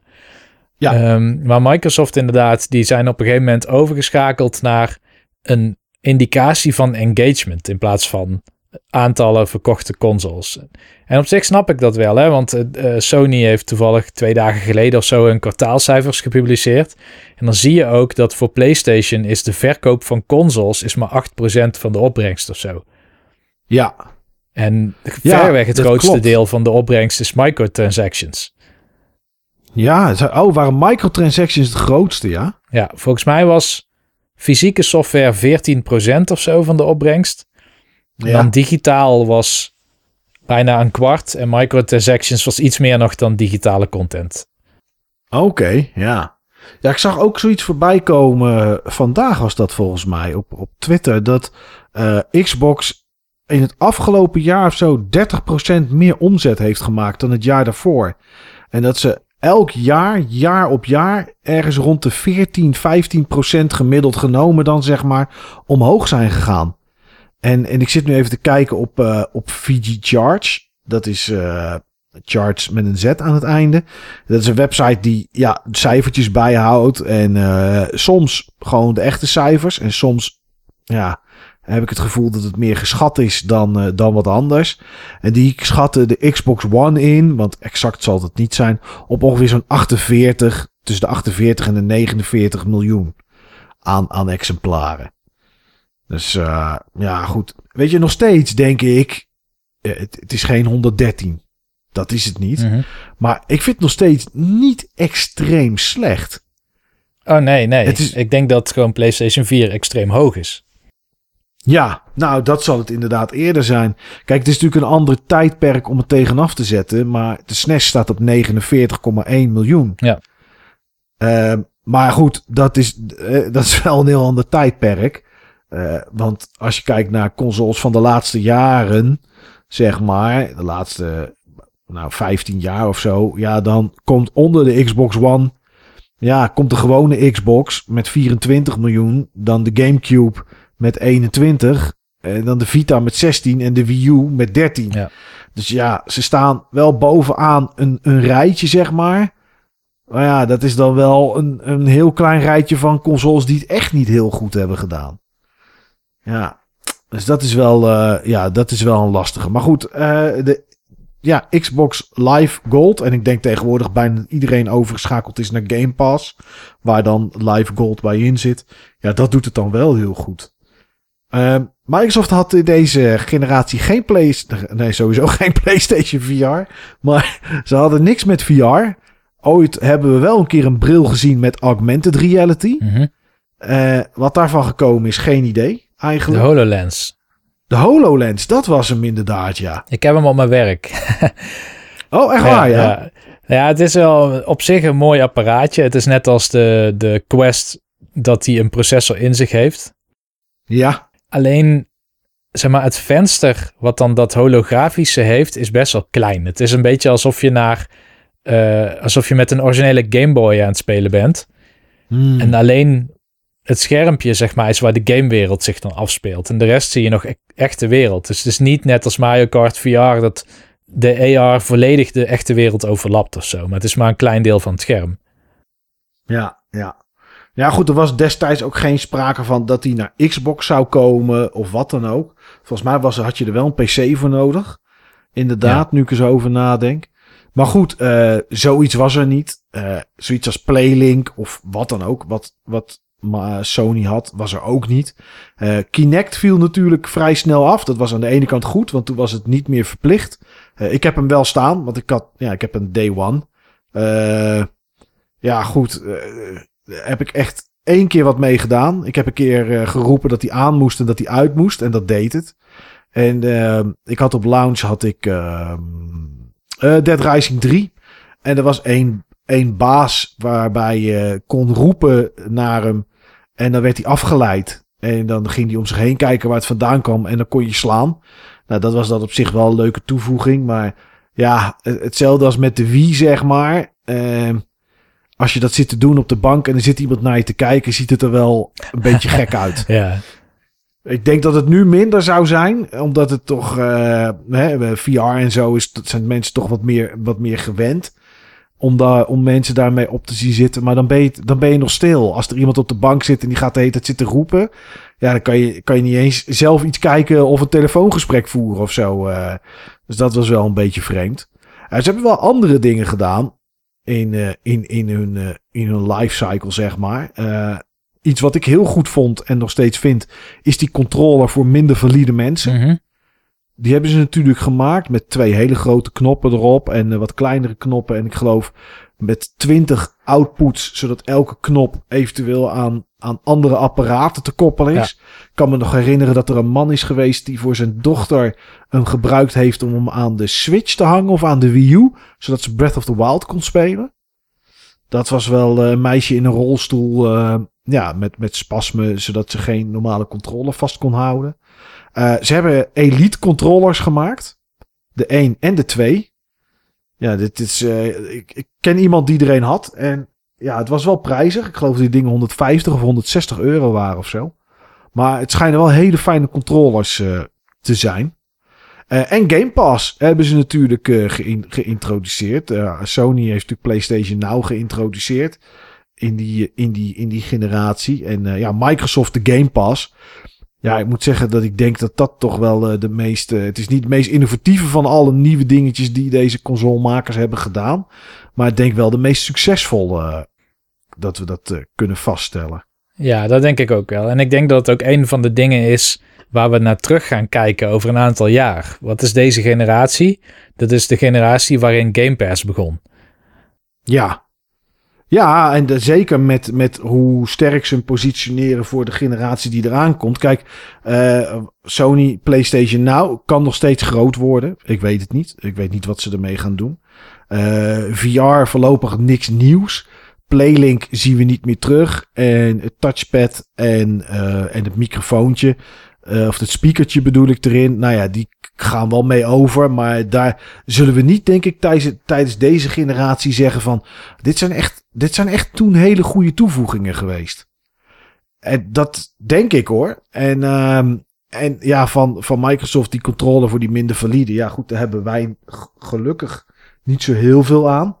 Uh, en van de Elite controller ja, is volgens mij alleen de D-pad overgekomen naar de controller zoals die nu is. Ja. Bij uh, de Xbox Series S en X. Ja, en Game Pass blijft dan over, zeg maar. Ja. Als we kijken, nou ja, we hadden net al eventjes over nieuws. Uh, PlayStation 4 en Xbox One had jij geen van twee op launch. Uh, wanneer kocht jij die dan wel?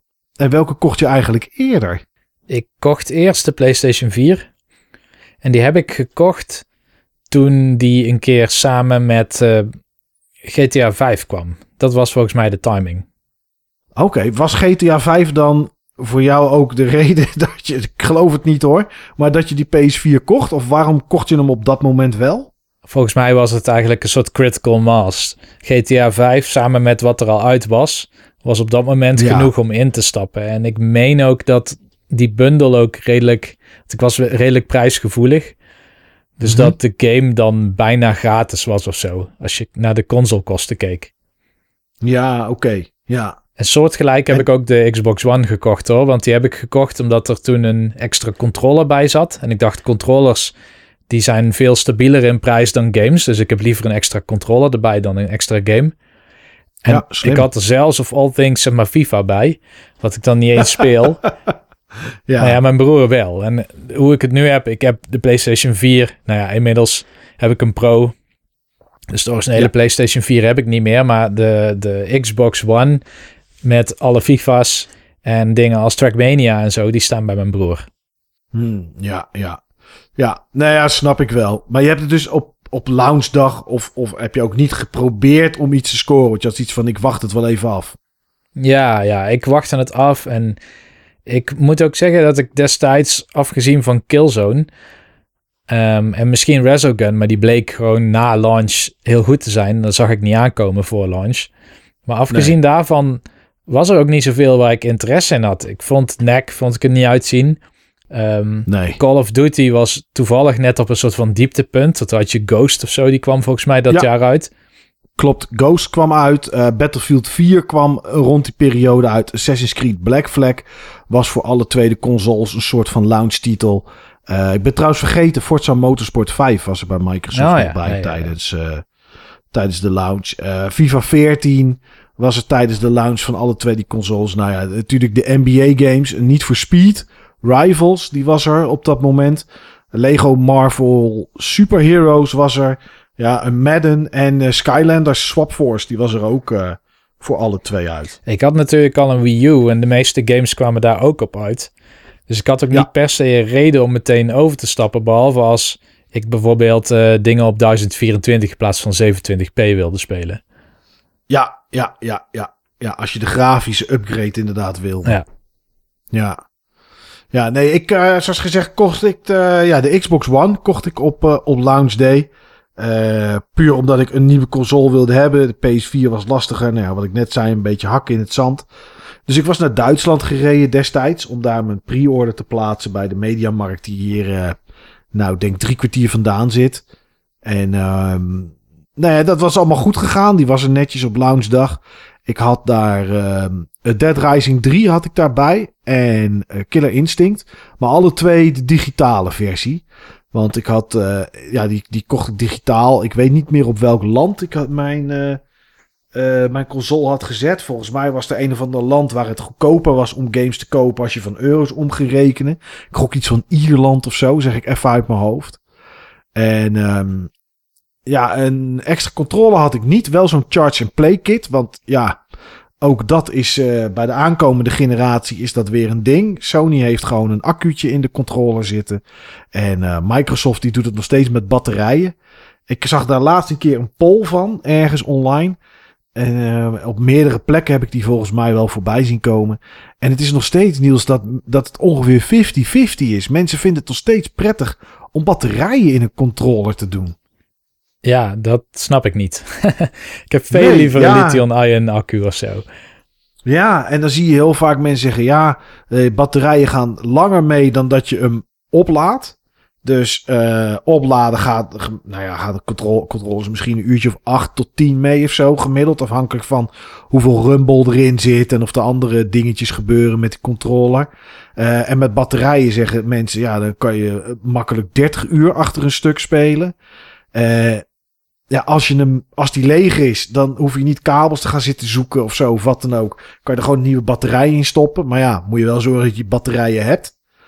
En dan staat er toch altijd bij, ja, als de batterijen opgaan of kapot gaan, kan je die makkelijk vervangen. Maar met oplaadbaar in een controller niet. En dan denk ik, ja, de enige controllers waar ik dat volgens mij nu bij heb, zijn Xbox 360 controllers, waar zo'n los accu'tje in zit. Ja. Ja, mijn PlayStation 3 controller doet het nog steeds draadloos. Misschien, misschien niet meer dezelfde tijd als toen. Dat zou kunnen. Misschien dat hij nu na een uur of drie, vier leeg is. Maar ja, zoveel PlayStation 3 speel ik ook niet meer. eh. Nee, nee. Dus ja. En eh, wat ook opvallend was, is dat de controllers niet goedkoper waren of zo dan als je wel een accu erin had. Nee, je moet er gewoon voorbij betalen. Je bent gewoon iets van 20, tussen de 20 en 25 euro extra kwijt. Voor je controller, zeg maar. Voor een accuutje met een kabel. Ja, ja, dat is. eh, ja, dat is wel een beetje vreemd. Maar goed, die had ik dus wel op launch day. Ik had wel vrij snel een PlayStation 4 in pre-order gezet. Maar dat was meer voor, voor anderen. Want toen schreef ik nog voor in de game. En eh, ja, er waren daar jongens die graag een PlayStation 4 wilden. Dus ik had er wel één besteld. En ik weet nog wel dat ik die eh, op een gegeven moment op kon halen bij... Volgens mij hadden we toen nog een Dixons. Nou, dat is wel echt lang geleden. Ehm, nou, het is ook 2013, dus dat, het, gaat, natuurlijk ook wel hard. Maar volgens mij was het een Dixons of een BCC of zo in het centrum van Enschede. Ik weet in ieder geval dat het er nu niet meer zit. En ehm, ja, eh, ik vond het zo vreemd. Ik ging dat ding ophalen en die kreeg ik zonder omdoos mee. Ik snapte dat je misschien consoles niet zo snel kon maken. En, eh, of controllers, of dat er onderdelen waren die wat langer produceren duurden. Maar gewoon een kartonnen doos eromheen. Gewoon die blauwe PlayStation 4 doos eromheen. En die had ik gewoon niet. Ik had alleen die witte inlay. Dat was het enige wat ze me meegaven. Maar goed, eh, ja, heel vreemd. Ja, ze hadden gewoon eh, leveringsproblemen op de doos. Nou ja, goed, eh, voor de rest werkte het allemaal. En toen heb ik wel even getwijfeld, want toen had ik hem toch in handen. Maar ik dacht van, nou weet je wat, ik, eh, ik heb beloofd om hem door te geven. Laat ik dat dan ook maar gewoon heel netjes doen. Dus dat, eh, ja, dat, heb ik, dat heb ik toen ook wel gedaan. Ik heb hem, die jongen had ook al geld gestort, dus op zich moest ik wel. Maar ja, goed, het is, ja, dus dat, dat had ik eigenlijk. Ik had die Xbox, die Xbox One. En ik probeer nu te bedenken wanneer ik dan die PlayStation 4 gekocht heb. En dat is volgens mij niet heel veel later geweest. Dat is denk ik geweest in mei of zo van dat jaar daarna. Hm. Toen waren ze nog steeds niet heel goed leverbaar. Eh, het was nog steeds lastig. Je had nog steeds wachtlijsten en dat soort dingen bij winkels. Maar ik reed naar huis en van, van mijn werk. En toen dacht ik van ja, ik wil eigenlijk gewoon zo'n ding kopen. En toen heb ik een Intertoys opgebeld in Hengelo. En toen vroeg ik of ze er een hadden staan. En die zeiden ja, we hebben er één staan. Toen zei ik nou, eh, zet er dan maar een sticker op met mijn naam. Dan kom ik hem zo halen. Dus toen heb ik hem eigenlijk eh, ja, heel snel daarna gekocht. En ik moet wel eerlijk zeggen dat dat wel een fout is geweest. Oh, Omdat, ja, vind ik wel. Omdat de PlayStation was een stuk krachtiger dan de Xbox bleek na, na verloop van tijd. Games liepen beter op de PS4 dan op de Xbox One. Dus als je multiplatform games hebt, ja, dan koop je ze voor de PS4. Want ja, daar draait het gewoon wat beter Ja. op. Mi- Microsoft had niet hele goede exclusives in die tijd. Of gewoon geen exclusives. Dus die Xbox One ging eigenlijk nooit meer aan. Ja, dat ik klinkt dat herkenbaar, Mike. Ja, ja, ik heb dat ding daarna bijna nooit meer gebruikt. Echt nooit meer. Nee, nee. Ja, ik, als ik ook kijk naar ehm, hoeveel games ik heb gekocht voor beide systemen, dat het ontloopt elkaar nogal. Eh, ja, Ook doordat Game Ja. Pass natuurlijk kwam, hè. Dus zeker. dat, dat heeft ook bijgedragen aan waarom ik bijvoorbeeld Sea of Thieves nooit heb gekocht. Op, eh, Ja. op Xbox One. En Gears 5 ook niet, weet je wel. We keken er heel erg naar uit. We hebben die game Hmm. niet fysiek gekocht, want hij zat in de Game Pass. Ja, ja, geen cent aan uitgegeven inderdaad. Dat klopt. Ja. Nee, dat is zo. En, en laatst heb ik dan wat games gekocht. Ja, ook nog een keer. Gewoon omdat, ja, weet je, eh, eh, wat was het ook alweer? Record. Geen hele goede game. Hebben we het over gehad in BB Bulletin een week of zes geleden, denk ik, of zo. Toen ik hem gespeeld had. Geen hele beste game. Maar voor 2,99. Ja, weet je, is het wel. eh, Kan je er allicht een paar uurtjes mee vermaken. Nou, dat heb ik toen ook gedaan. En ehm daar had ik zoiets van, ja, weet je, dan, dan wil ik dat ding wel in huis hebben. En dat komt eigenlijk door jou dat ik dat ben gaan doen, Niels. Omdat jij toen zei van, ik vind het per console, zeg maar, slash generatie, dan wel leuk om in ieder geval de, een beetje de exclusives die ik interessant vind of leuk om te spelen vind voor dat platform te hebben. En, ehm, en toen dacht ik, ja, dat, daar zit eigenlijk wel wat in. Ik bedoel, een, een Fallout 4 of zo, eh ja, is misschien een heel slecht voorbeeld. Maar eh, dat is het eerste wat even in me opkomt. Ja, die kan je op PC spelen, kan je op PS4 spelen, Xbox spelen. Eh, koop het ergens op of koop het nergens op. Maar ja, die kan je, dat kan je, dat kan je wel daar wel op spelen. Maar ja, neem een Rise Son of Rome. Ja, geen hele goede game toen die uitkwam. Maar eigenlijk is die alleen voor Xbox One. Ja, nu is die er ook natuurlijk straks voor X, omdat het ding backwards compatible is. Maar het is een exclusieve game van dat platform. Ja, dan is dat toch wel leuk om te hebben. En dat kan je nu met Xbox One games, kan je dat best voor aardige prijzen doen. Eh, Sunset Overdrive heb ik digitaal, maar vond ik toch leuk om te hebben op disc. Die heb ik laatst nieuw gekocht voor 12 euro of zo. Was nog nooit gespeeld. Tweedehands was die 9 en een kameraad van mij heeft hem ergens tweedehands opgepikt voor geloof ik 4 euro. Ja, dat, dat zijn natuurlijk wel leuke prijzen. Maar dat was niet ten tijde van dat die console uitkwam. Sunset Overdrive heb ik wel gespeeld, maar die was er vrij snel. Ja, en daarna had Microsoft niet zoveel meer wat aantrekkelijk was. En dan kom je toch weer dat. ehm, ik kwam in dat Sony-ecosysteem, zeg maar. En toen kregen we game als The Division. Volgens mij is dat 2015, zeg ik uit mijn hoofd. En, en ja, als dan je kameraden dat gaan spelen op PlayStation, ja, dan blijf je gewoon daar toch op hangen. Ja. Dus ik, ik wil niet zeggen dat de Xbox One een miskoop is, omdat ik mezelf geen miskoop van 500 euro aan wil rekenen. Maar eigenlijk was dat het wel. Als ik eerlijk ben, denk ik dat ik minder dan 50 uur heb gespeeld op mijn Xbox One. Ja. Ja, ik denk net iets meer, maar niet heel veel. Nee. Nee, weet je waar ik het meest gebruik van heb gemaakt? Van de. Xbox One controller aan mijn PC. Ja, ja. Ja, waarvan de D-pad niet zo heel prettig is, moet ik zeggen. Die registreert niet altijd als ik daarop druk. Maar eh, voor de rest een hele fijne controller. En, en daar heb ik echt een hoop gebruik van gemaakt. Maar van de Xbox One. Ik heb hem, ik denk, na een half jaar, drie kwart jaar geleden weer eens een keer aangezet. Ja, dat ding moest natuurlijk updaten als een malle. Maar nee, de- eigenlijk, eigenlijk is het heel sec bekijkt, was het gewoon zonder geld. Op die twee of drie exclusieve games die ik daarop heb gespeeld, die tof waren. Sunset Overdrive. Hmm. Killer Instinct vond ik wel tof. Maar goed, ook toen was ik. Ja, weet je, ik heb het ooit eens een keer over gehad dat ik geen games meer koop waarin je potjes speelt. Want na vier, vijf potjes ben ik het dan zat. En online kreeg ik zoveel klop met, met Killer Instinct, was niet te doen. En Dead Rising 3 was op zich wel leuk. En daarna heb ik nog wel wat andere exclusieve games gespeeld. Maar dat kwam dan meer omdat ik daar een reviewcode van kreeg of zo. ja. Ja, Nou, ik denk dat 50 is trouwens wel heel laag, wat ik net noemde. Want ik heb bij jou heb ik Gears of War gespeeld, weliswaar op jouw Xbox One. ja Maar dat is wel, ik had wel de fysieke game toen meegenomen. klopt. Eh, ik Ja. heb Gears of War Ultimate Edition nog een keer helemaal uitgespeeld. Volgens mij heb ik nog iets gespeeld toen op de Xbox One. Hebben wij niet samen ook... Wij zijn ook een keer door Gears of War Ultimate heen gegaan, volgens mij. Op eh, Ja, dat klopt ja. Daar ben ik de volgens mij hoogste moeilijkheidsgraad. misschien wel twee keer dan doorheen gelopen door die game. En Ja. Rare Replay heb ik nog redelijk wat opgestart. Oh, ja, die mis ik nog in mijn collectie. Die wil ik nog wel een keer kopen. Halo 2 kan ik me herinneren. Ik zit ook een beetje naar rechts te kijken, want daar liggen een aantal games op de stapel. Mhm.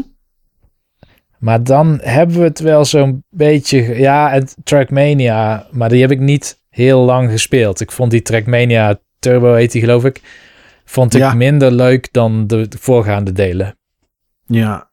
Ja, Alien Isolation. Ik zit even te kijken. Dat heb ik gespeeld nog op mijn Xbox One. Eh, Gears 4 inderdaad. Nou. Nou ja, op een gegeven moment kon je natuurlijk heel veel op PC doen. Dus ik heb Ori heb ik op PC gespeeld. Ehm, Ori heb ik op Xbox nog gespeeld, omdat ik dat op tv wilde spelen. Oh ja, ja. Ja, Quantum Break. Dat heb ik eh, gespeeld en bijna uitgespeeld op, ehm, op, op Xbox. Ja, Als ik Sea of Thieves op Xbox had gehad, dan had ik zeker meer dan 150 uur op mijn Xbox gespeeld. ja, ja, dan was het wel verdrievoudigd inderdaad. Dat geloof ik wel. Ja, en Blues and Bullets, dat was alleen op de Xbox One en volgens mij op PC. Dat was zo'n episodische... ja, ja, ja.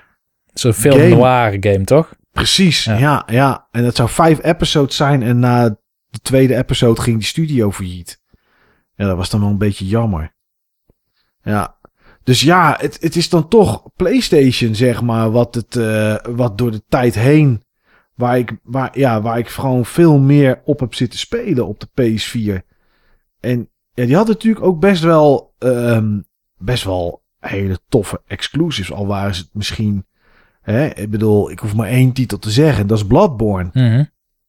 Ja, dat was natuurlijk supergoed. En dat was alleen daar te spelen. Ja. En, en, en ja, die, die, die game alleen al, die zorgde ervoor dat ik dat ding heel vaak aan had. Eh, Detroit Become Human was nog zo'n titel, is nu wel voor PC. Ja, dat trok dan toch meer voor mij dat ik die PlayStation opstartte. Ja. Ja, jij hebt nooit een Xbox One X of wel gehad, Niels? Of ben, heb jij die nooit geüpgrade, je Xbox One? Nee, nee, ik heb alleen de PlayStation 4 geüpgrade naar de Pro. En de Xbox One X heb ik wel op het werk. Dus daar heb ik ook wel eens wat dingen gespeeld op de Xbox One X, zoals Cuphead. Oh ja. Maar ehm, ja, ik dacht ik ga één van de twee systemen upgraden. En de reden dat ik de upgrade voor de PlayStation 4 heb gedaan was eigenlijk PSVR. Omdat Ja. daarin de update het meest zichtbaar was. Dus de, de- het gegeven dat je op een hogere resolutie kan renderen of op hogere framerate, dat voel je het beste in VR. Ja, ja, ja, dat is wel een goede reden inderdaad, ja. Ja, ik heb hem ook geüpgrade, mijn PS4, naar een Pro. Die waren toen heel lastig leverbaar. Dat was volgens mij eh 2,5 jaar geleden dat ik dat gedaan heb. Toen kreeg ik een, eh, nou kreeg niet, maar toen kwam er een 4K tv. En toen ja, moest ik ook een van de twee upgraden. Ja, en toen zat ik al zo in, in Sony, zeg maar, zo in de PS4. Ja, dat het heel raar zou zijn geweest ook als ik mijn Xbox One zou upgraden naar een Xbox One X. Ik bedoel, of Xbox, ja, Xbox One X. Even kijken hoor, ik One Series niet door elkaar haal. Maar dat had dan ook minder, eh, minder nuttig geweest. Ik had zoveel games voor, voor PS4. Ja, dan blijf je daar toch bij hangen. En dat is dan ook wel de reden dat ik, dat, dat ik de aankomende generatie het, in ieder geval voor ogen heb om het anders te doen. Ehm, ik heb natuurlijk nou, die Xbox One, Xbox Series X. Komt er als goed is op 10 november. Ik heb iets van twee paarden waar ik op kan wedden. Dus ik gok dat dat wel goed komt. En ik heb in ieder geval voor mezelf, door wat ik deze generatie zeg maar heb, ja, heb ervaren, heb ik voor mezelf gewoon besloten dat 2022, dat dat dan pas het jaar is dat er een PS5 komt. Ja, ja bij mij Gewoon- denk ik ook ongeveer rond die tijd. Ja, gewoon puur om, om ja, er niet voor te zorgen dat ik weer een apparaat van 500 euro koop. Waar ik na, na vijf, zes maanden eh, de concurrent van koop en dat ding dan nooit meer aanraak. Ja, het is gewoon super zonde. Ja, Ja, ik denk bij mij had de PlayStation 4 had zo'n critical mass met de games die erop uit waren. Dat ik eigenlijk altijd weer meer games op de stapel had liggen om te spelen dan, dan tijd, zullen we maar zeggen.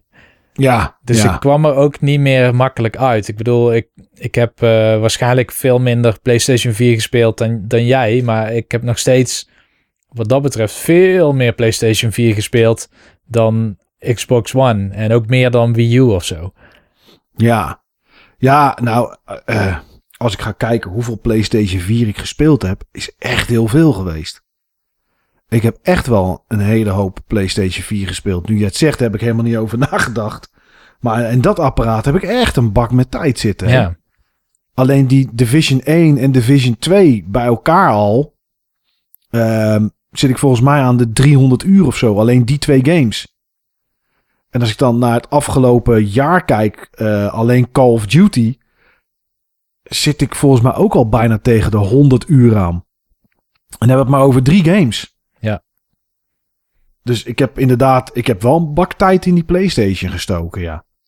Ja, maar oh man, is dat een afzet tegen die Xbox One? Is dat echt zonde van het geld geweest, zeg? Mijn hemel. Ja, ja, maar het was wel de enige manier om bijvoorbeeld destijds althans Ori te kunnen spelen of Cuphead. Inmiddels Zeker. is Ori is ook naar de Switch en Cuphead is ook naar de PS4 en de Switch. Ja, Maar ja. heel lang was dat een exclusive die je echt alleen daar kon doen. En ja, ik, eh, volgende generatie ziet het ernaar uit dat er veel meer exclusives zullen komen voor de Xbox Series X. ja, zeker. Ja, ja. En ik, ik denk aan de andere kant ook wel. Ik denk dat Sony dat ook wel eh, gaat doen. Alleen daar hebben we nu nog geen zicht op, omdat we niks weten. Eh, behalve dan gewoon de studio's die ze al hebben, zeg maar. Ja. Maar inderdaad, eh, ja, Microsoft, wat, wat zei je laatst nou? Heeft toch ook 35 ontwikkelteams nu of zo als eigen studio's? Zoiets? 35 32? dacht ik ja. Ja, ja, dat is echt heel veel. Ja. Als je kijkt naar de vorige generatie en nu we daar zeg maar aan het einde zitten, zijn er dingen die door de tijd heen veranderd zijn, Niels? Het voorbeeld waar ik zelf ineens aan dacht is, eh, zijn microtransactions en lootboxes. We weten, die zijn er al een hele tijd. En die waren er ook al ten tijde van de PS3. Want we hebben natuurlijk de allereerste microtransaction, zeg maar, die we echt kennen, is Oblivion. Waarbij je horse armor kon kopen. Wat ze toen nog gewoon DLC noemden. Maar ik denk dat microtransactions en lootboxes zijn, die zijn tijdens de afgelopen generatie wel echt heel erg opge opgekomen. Ja, inderdaad. Dat is gewoon normaal geworden. Ja, hè? En betalen Dat is- dat is voor eh, online is normaal geworden. Oh ja, inderdaad. Hadden we dat op de PS3 hadden we dat niet. Daar hoefde je niet te betalen voor online. Nee. Maar toen kwam wel PlayStation Plus voor dan die twee gratis games per maand. Mhm. Of eigenlijk waren het er vier, want er kwamen er ook voor de, voor de Vita kwamen toen games volgens mij. Klopt, ja. Ja. Ehm, en was Microsoft, Microsoft was toen niet gratis, toch? Op de Xbox 360. Nee, ze waren de enige waarvoor je moest betalen. Ja. Er was ook wel een hele stabiele service, die ook niet zo vaak onderuit ging als bij, bij Sony. Maar dat is inderdaad, eh, dat is ook heel gewoon geworden, inderdaad. Ja, kijk maar naar Nintendo met, eh, met, met de Switch. Zelfs die hebben een abonnement. Ja. Ja. De opkomst van VR hadden we het net natuurlijk al over. Hè? Dat is natuurlijk eh, wel echt in de afgelopen generatie is dat, eh, is dat opkomen zetten. Ja, zeker. ja. En ik dacht season passes. Ja, oh ja, toch hele goede season passes, ja. Of eigenlijk Oh, gewoon games lust. as a service als een model. Ja, dat sowieso. Ja, games als Destiny en, ehm, en Anthem en dat soort dingen. Dat, dat is inderdaad wel een ding. Dat is wel een goede Niels. Dat games zijn niet meer van. En dat lijkt misschien nu langzaam wel weer een beetje terug te gaan. Omdat er wel heel veel service-achtige games zijn. Maar het leek wel alsof de ontwikkelaar en de uitgever wilden dat je een jaar lang gewoon die game bleef spelen. Ja.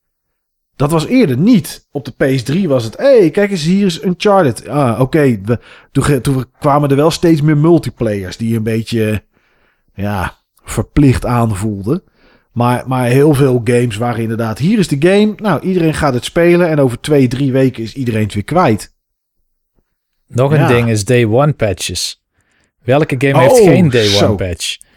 Nou, eh, ik zou, nou ja, dingen wordt Cyberpunk, die, die wordt nu, hè, die wordt nu uitgesteld drie weken omdat de day one patch dat die nog aangepast moet worden voor bepaalde consoles. Ehm, ja, er is bijna niks meer dat je volgens mij in je console stopt en dat geen patch heeft. Nee, het heeft ook zo zijn voordelen. Want de games worden gewoon geoptimaliseerd. Nog door de tijd heen. En er komt content bij. Maar het is wel zo dat als jij, stel, je, je komt bij Awesome Space over 30 jaar. Je denkt, oh, even PlayStation 4 aan, weet je wel. Doe je Ja. schijfje erin. Nou, de kans is dat je alleen maar een stuk van level 1 kan spelen. En dat de helft van de textures er nog niet in zitten. Ja, dat is zo. Ja. Maar ja, kijk, het is natuurlijk mooi dat geoptimaliseerd wordt. Maar ben jij daardoor dan, Niels, games ook gaan uitstellen om te gaan kopen de afgelopen generatie? Oeh. Dat je dacht van, ja, dat is wel een toffe game. Maar ja, er zal toch nog wel hier en daar wat aan bijgespijkerd worden. Of je leest dat misschien in een review. Dat je denkt, dan koop ik hem wel later. Nou, meestal niet om een reden dat bijvoorbeeld performance nog niet optimaal is, maar wel als ik denk dat er een expansion aangekondigd is die nog wel eens gewoon een keer bij de game zelf geleverd kan worden of zo. Als een eh, Game of the Year edition, zeg maar. Ja, dus bijvoorbeeld Dragon Age Inquisition was zo'n game. Die Ja. heb ik pas gekocht toen er extra content bij kwam. En heb je dat dan ook echt bewust gedaan, zeg maar? Ja. Ja. Hmm. En dat heb ik ook gedaan bij eh, Horizon volgens mij. Nee, niet bij Horizon. Die heb ik wel origineel. Er was een game, ik ben hem even kwijt welke het was. Eh, bij Fallout 4 heb ik gewacht. Maar volgens mij was het ook weer niet helemaal een Game of the Year edition zoals ik hem voor me had gezien. Maar er zijn wel een aantal games op die manier waar ik heb gewacht tot de content erbij zat. Dat scheelt A en ook Ja. geld. B, dan is het vaak beter geïntegreerd. Ja, ja, ja. Ja, en, en dan, dan heb je ook kans dat al die day one patches en alles wat er door de tijd heen gekomen is, gewoon op de disk staan. Ja. Kijk, een goed voorbeeld daarvan, de, eh, waar we het laatst in Baby Bulletin over hebben gehad, is natuurlijk Control. Die game van, eh, van Remedy. Ehm, die is vorig jaar in 2019 is die uitgekomen, ergens in september geloof ik. Nog geen jaar later komen ze met een complete edition, waar dan de DLC's alle twee in zitten. Ehm, nou, niet heel ongebruikelijk, een jaar later of wat dan ook. Eh, maar die is dan ook maar, nou ja, maar in vergelijking tot, tot de andere game is die, 40, is die maar 40 euro. In plaats van de volledige 60 Ja. die je een jaar daarvoor betaalde. Eh, plus dat daar dan nog eens de smerigheid aan zit dat als je die wil upgraden naar een next-gen ervaring op PS5 en Xbox Series X, dat dat alleen kan met die Complete Edition. Uh, maar goed, dat daarbuiten gelaten. Is, dat, is dit wel een voorbeeld dat je denkt, ja, als ik een jaar had gewacht, dan had ik gewoon de DLC erbij gehad. Dan was die game iets beter geoptimaliseerd dan op het moment dat die uitkwam. En dan kan ik hem ook nog eens upgraden naar een volgende generatie. Ja. Ik, ik zit te denken of ik dat gedaan heb, deze generatie, dat ik gewacht heb. Maar ik denk toch dat ik daar heel slecht in ben. Ik uh, kan me niet herinneren waar ik dat bij gedaan heb eigenlijk. Ik heb het overwogen bij um, die Outer Worlds, de Switch-versie. Maar ik heb die Ja. uiteindelijk sowieso niet gekocht. En ik dacht, wacht even. Ik heb gewoon de beste versie met gegarandeerde dadelijk DLC in de Game Pass zitten. Ja, inderdaad. En nu je dat zegt, denk ik, potverdorie, ik heb die DLC nog niet gespeeld. Ja. Terwijl ik die game uh, binnen twee, drie dagen verslonden heb toen. ja, oh, dat is wel een goeie misschien om binnenkort eens eventjes te gaan checken. Ja. Een ander ding dat ik, dat ik had, dat echt, het was er al wel eerder, maar dat ik echt zoiets had van, oké, okay, dit is, en denk helemaal de laatste twee, drie jaar, je games digitaal kopen. Hmm. Dat doen echt een hoop mensen. Ja. Daar verbaasde ik me over.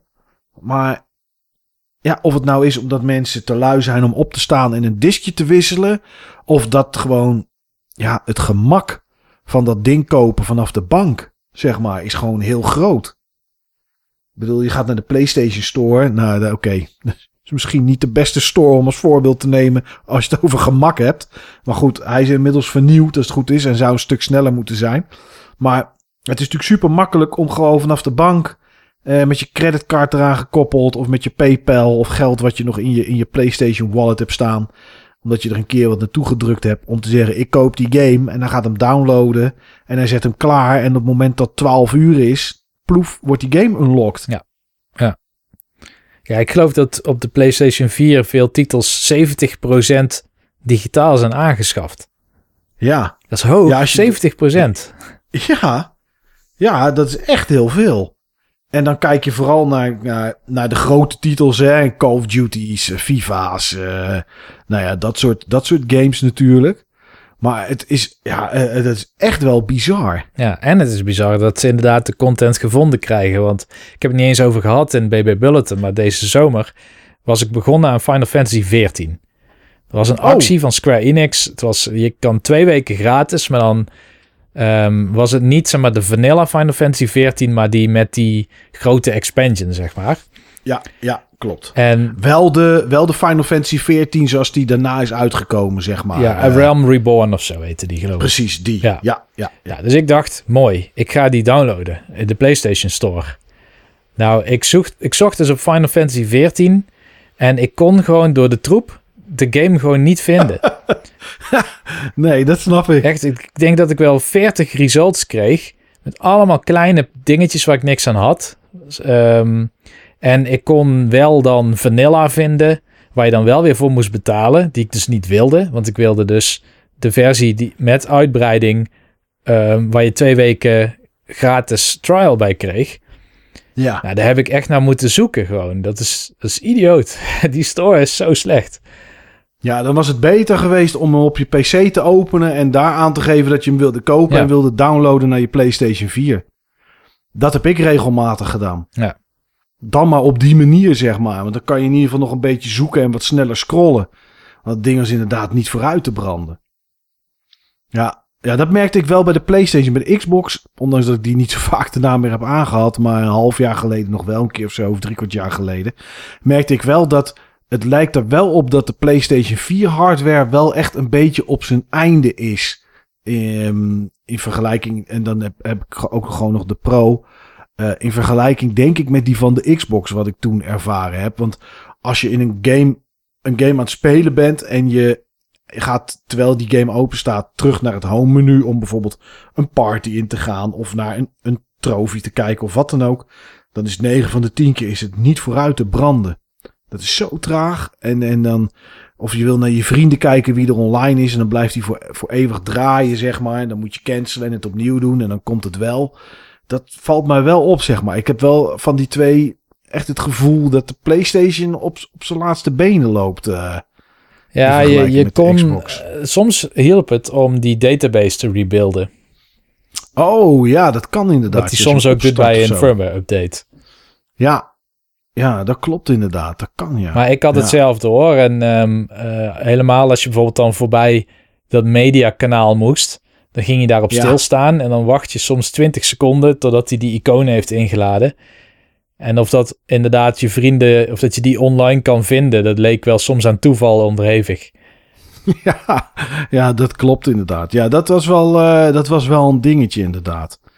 Ja, iets anders waarvan ik denk dat dat echt eh, tijdens deze generatie eh, opgekomen is, is dat we van single-player games, nou, met hier en daar een verplichte multiplayer, gegaan zijn naar eh 4 tegen 1 eh, of 4 tegen 4 games. Hoeveel we er daarvan Ja. wel de afgelopen twee jaar niet gezien hebben, dat is echt heel veel. Ja, klopt ja. Ja, en nog steeds, hè? Want ik bedoel, Sony, eh, die Destruction All-Stars, die eh, PlayStation 5 game die uitgesteld is ehm, naar eh, februari. Mhm. Die, ehm, ja, die, die game, die, die is ook, dat is ook 4 tegen 4, zeg maar. Ja. En dat is toch, ja, dat is toch iets wat blijkbaar, ja, dat is gewoon groot geworden. Maar ik denk dat dat langzaam weg gaat appen, Niels. Ik denk dat we daar er wel genoeg van hebben gezien. Net zoals het Battle Royale genre. Ja, ja, ik, eh, dat, dat zou best wel eens kunnen inderdaad. Eh, voor mijn gevoel zijn er best wel veel geweest, ook van Hi-Res Studios, weet je, zo'n Paladins of zo. Ja. ja en nu, en nu eh Rogue Company. Ook zo'n ook Ja. zo'n soort game. Ehm, die hebben dat natuurlijk gemaakt. Heel vaak ook Ja. free-to-play. Heel veel inderdaad. Ja. En er zijn natuurlijk ook tijdens deze generatie studio's aan ten onder gegaan. Die van eh, Cliff Blazinski. Ik weet even niet meer uit mijn hoofd hoe die studio heette. Maar- toch? Of zoiets. Ja, Bosky. Bosky Productions inderdaad. Dat klopt. Ja, die hadden een Battle Royale gemaakt. Eerst volgens mij. En terwijl die uit was en de volgende game uit moest komen. Of die is uitgekomen. Dat was ook zo'n 4 tegen 4 hero shooter. Ja. Dat hadden we veel met heroes. Dat de een neemt die hero en de ander die. En ja, Alles en- werd Overwatch. ja, nou inderdaad. Ja. En dat is. eh, dat, dat hebben we echt heel veel gehad. Ja, en Dota's, die kwamen. Of, of eh, eh, MOBA's bedoel ik. Die zijn natuurlijk wel opgekomen in de laatste generatie. Dat was natuurlijk Dota en League of Legends. En toen kregen we Heroes of the Storm. Uh, Paladins was een first-person MOBA, was dat. Nou, ik zal er vast nog een paar vergeten. Net zoals Auto Chess Ja. en kaartgames. Dat zijn allemaal dingen die eigenlijk in de laatste generatie zijn opgekomen. En die toch heel langzaam weer wegappen. Rocket League. Rocket League, dat was, ja, dat was 3 tegen 3? Uh, Of was het ook 3 tegen 3 of 4 tegen 4? Ja. Ja, dat was natuurlijk ook iets wat, uh, wat heel erg opkwam. Dat was ook zo'n soort game. Soms heel Ja, succesvol als het bijvoorbeeld gepromoot werd met PlayStation Plus. Ja, dat zag je bij Rocket League. En um, ondanks dat hij ook PlayStations liet oververhitten hier en daar in het begin. Ik weet niet wat dat voor raar iets was. Uh, en je zag het natuurlijk onlangs aan, um, aan Fall Guys. Ja. Ja. Is natuurlijk wel op, op de rand van, hè, uh, van, van de generatiewisseling. Maar dat is ook zo'n game. Die zat in PlayStation Plus. En daardoor wordt het heel groot. Ik heb wel het gevoel dat dat soort titels die dat bereikt hebben. En ik, nou, waarschijnlijk hebben ze alle twee nu wel genoemd die dat behaald hebben. Maar dat dat wel meer bij Sony lag dan bij Microsoft ook. Om het groot te maken. Ja, dat Ja, denk ik ook wel, ja. Het is ook niet zo raar als je 114 consoles tegen nog geen uh, 49 miljoen afzet. Ja, dan is 114 miljoen is wel, uh, is wel een heel stuk meer om iets succesvol te maken. Als je terugkijkt naar de vorige generatie, Niels, hoe kijk je daar naartoe terug? Wat voor generatie was dat, zeg maar? Of wat uh, heeft, het, heeft het iets bijzonders gebracht? Of nou, was het gewoon allemaal net iets krachtiger en dat was het? Hoe kijk je er naartoe terug? Ja, qua hardware vond ik het geen bijzonder interessante generatie. Het was best iteratief op de PlayStation 3. Het was gewoon weer mooier en scherper. Um, en, ja. en ik vermoed ook eigenlijk dat de volgende generatie daar niet heel veel verandering in gaat brengen. Maar um, ja, wat ik, wat ik heel interessant vond, was eigenlijk hoe ontzettend populair PlayStation 4 vanaf het begin al was. Ja. En ontzettend veel verkoopsuccessen ook had neergezet. Allerlei records heeft gebroken. Um, heel erg inzetten in het begin, althans op indie games ook. Mm, ze, zeker. ze hadden toen die, die reels ook met indie games. En Flambeer stond wel eens ooit uh, op een podium ergens. Um, ze hadden ook uh, subsidies voor indie games. Dus uh, ze gaven indie developers ook een bedrag van vaak 20.000 euro of zo bijvoorbeeld... om de game dan te porten naar de PlayStation 4. Ja, ze hadden ook tijdens de lancering hadden ze gewoon vijf indie games... die vanaf dag 1 speelbaar waren. Ja. Uh, Contrast, Pinball Arcade, Super Motherload, Tiny Brains en Warframe. Ja, inderdaad. Allemaal en heel groot ook No. Man's Sky, weet je nog? Zo, ja, oh, dat, dat, ja, dat, wel een verhaal dat niet helemaal soepel liep, maar daar hebben ze inderdaad groot mee uitgepakt. Ja. Elke E3 en elke PSX, zo'n PlayStation event in december, ja, zag je ze weer, die gasten. Ja, en dat is denk ik een van de meest bizarre dingen die ik wel bij PlayStation 4 heb meegemaakt. Toen gingen er een hele hoop mensen weg uit de managementregio's, zeg maar. Mm -hmm. En werden de Japanners uit functies gezet de, waarover ze iets te zeggen hadden. En, um, en toen was dat helemaal afgelopen. Toen waren er geen subsidies meer voor indies. Indies kregen geen podium meer op E3 of in hun eigen events. Pas later bij uh, State of Place is het weer een beetje teruggekomen. Denk ik omdat die uh, Yoshida of zo, die Shuei Yoshida, uh, dat is dan de enige volgens mij Japanner die nog een beetje in een soort van game relationship zit met PlayStation. Ja. En die nog iets te zeggen heeft, zeg maar. En die heeft wel hele goede tractie in de gamesindustrie ook. Um, maar ik vond dat heel erg opvallend. Dat dat een jaar of drie was PlayStation 4 echt het de facto indie platform. En toen stopte ja. dat gewoon heel abrupt. Maar is dat sowieso niet een Sony-ding? Kijk naar de PlayStation Vita. Uh, in het begin uh, kregen we Killzone, we kregen Uncharted, we kregen Little Big Planet, we kregen van alles. En op een gegeven moment, na een jaar of twee of zo, uh, was het platform bestond nog wel. Maar Sony deed er eigenlijk helemaal niks meer voor. Hetzelfde met PlayStation VR. In Ja. het begin heel erg dat, dat, dat supporten en heel veel zelf uitbrengen ook. En weet ik wat allemaal. En we hebben gewoon volgens mij, nou de laatste E3 dan volgens mij Uh, nee, toen, de laatste E3 was natuurlijk sowieso wat anders dan gewend waren. Maar tijdens de laatste E3's, om het maar zo te noemen, zat er of een heel klein trailertje in, of iets in een pre-show. Ook helemaal niks meer van Sony. En met die indies dus ook. Daar hebben ze heel even, nou heel even, misschien een jaar of tweeënhalf, drie, goed op ingezet. En dan zakt dat toch weer, toch weer weg. Ja. Dat lijkt wel een Sony-dingetje te zijn, joh. Ja, maar het zal waarschijnlijk ook wel te maken hebben gehad met de mensen die toen vertrokken. Want je had een aantal mensen die je toen ook altijd op de E3 op podia zag. En er zijn er toen in de anderhalf jaar tijd wel drie of vier weggegaan die op management niveau, op direction niveau in PlayStation zaten. Ja, ja, dat klopt. En um, ja, dat is dan denk ik niet opgevangen. Maar het is wel jammer, zeg maar, want je, je merkte dus dat bijvoorbeeld indie games, dat is, dat is nu echt een, een Switch ding. Er komen veel meer indie games naar Switch dan naar de andere platformen op dit moment. En die kiezen er ook soms voor, bijvoorbeeld Hades of zo. Om eerst naar de Switch te komen en daarna kijken ze wel of dat ze gepoord worden. En heel veel shoot ups en roleplaying games komen ook gewoon naar Switch en komen niet eens meer naar andere platforms. Wel naar Steam. Steam is denk ik nog het beste platform om te hebben als je echt alles wilt hebben. Ja, ja. Uh, en ik denk onder de streep is PlayStation 4 wel de beste console om iemand aan te raden om te kopen. Omdat dat je van alles wat hebt, zeg maar. Alleen het is steeds, als, laat het zo zeggen, als, als je niet die third person realistische shooters wil hebben, is het bijna nergens meer echt een uitblinker in. Nu, op dit moment nog. Nee, nee, dat klopt. Ja. Ja, als ik zelf terugkijk naar de afgelopen generatie, denk ik, nou, kom ik ongeveer op dezelfde conclusie, denk ik, Niels. Het is, ja, het werd allemaal wat mooier en wat krachtiger dan dat van daarvoor. Maar om nou te zeggen dat, dat ik met iets weggeblazen ben, zeg maar, tijdens de afgelopen generatie. Nee, dat denk ik niet. En dat is, dat is denk ik niet omdat we ouder worden en het allemaal wel een keer gezien hebben of zo. Ik denk toch dat het nog steeds mogelijk is als je, als je iets hebt dat die indruk op je maakt. Ik bedoel, ja. PlayStation 1 had dat wel en 2 ook. En, en de 3 had dat ook in het begin.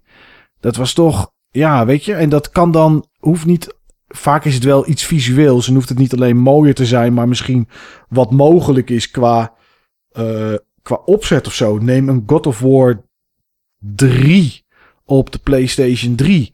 Ik was gewoon weggeblazen door hoe groot die setpieces waren. Wat dan tegenstanders bleken te zijn. Goden waar je op liep. En dat dat zo groot was en zo immens. Dat maakte zoveel indruk. Ja, zoiets heb ik tijdens de PlayStation 4 niet gehad. Nee, niet Geen op moment. dat niveau inderdaad. Dat herinner ik me althans ook niet. Nee. Nee, en op de Xbox One helemaal niet. Maar tijdens deze hele generatie heb ik dat niet gehad. Uh, nou, weet je, ik, er waren wel dingen die, die, die me dan iets meer deden. Neem een Ori, waar we het net over gehad hebben.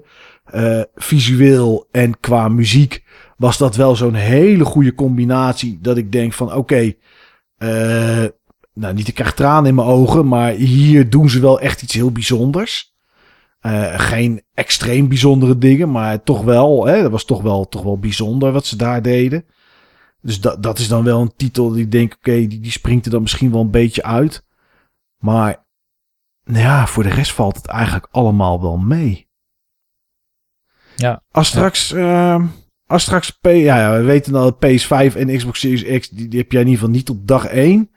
Uh, op het moment dat die er wel komen, wat ga jij doen met de vorige generatie, Niels? Is dat iets dat je aangesloten laat? Uh, zet je het weg en zet je het in een, in een, in een doos ergens op zolder of in, in een schuur?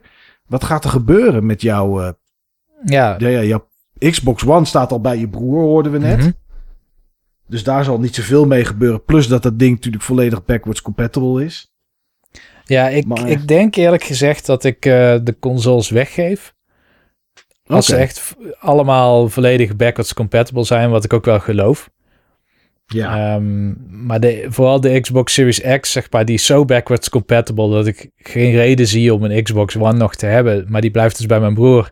PlayStation 4 weet ik niet wat ik ermee ga doen. Um, maar het kan zijn dat iemand die heel graag wil hebben op het moment dat ik een PlayStation 5 heb.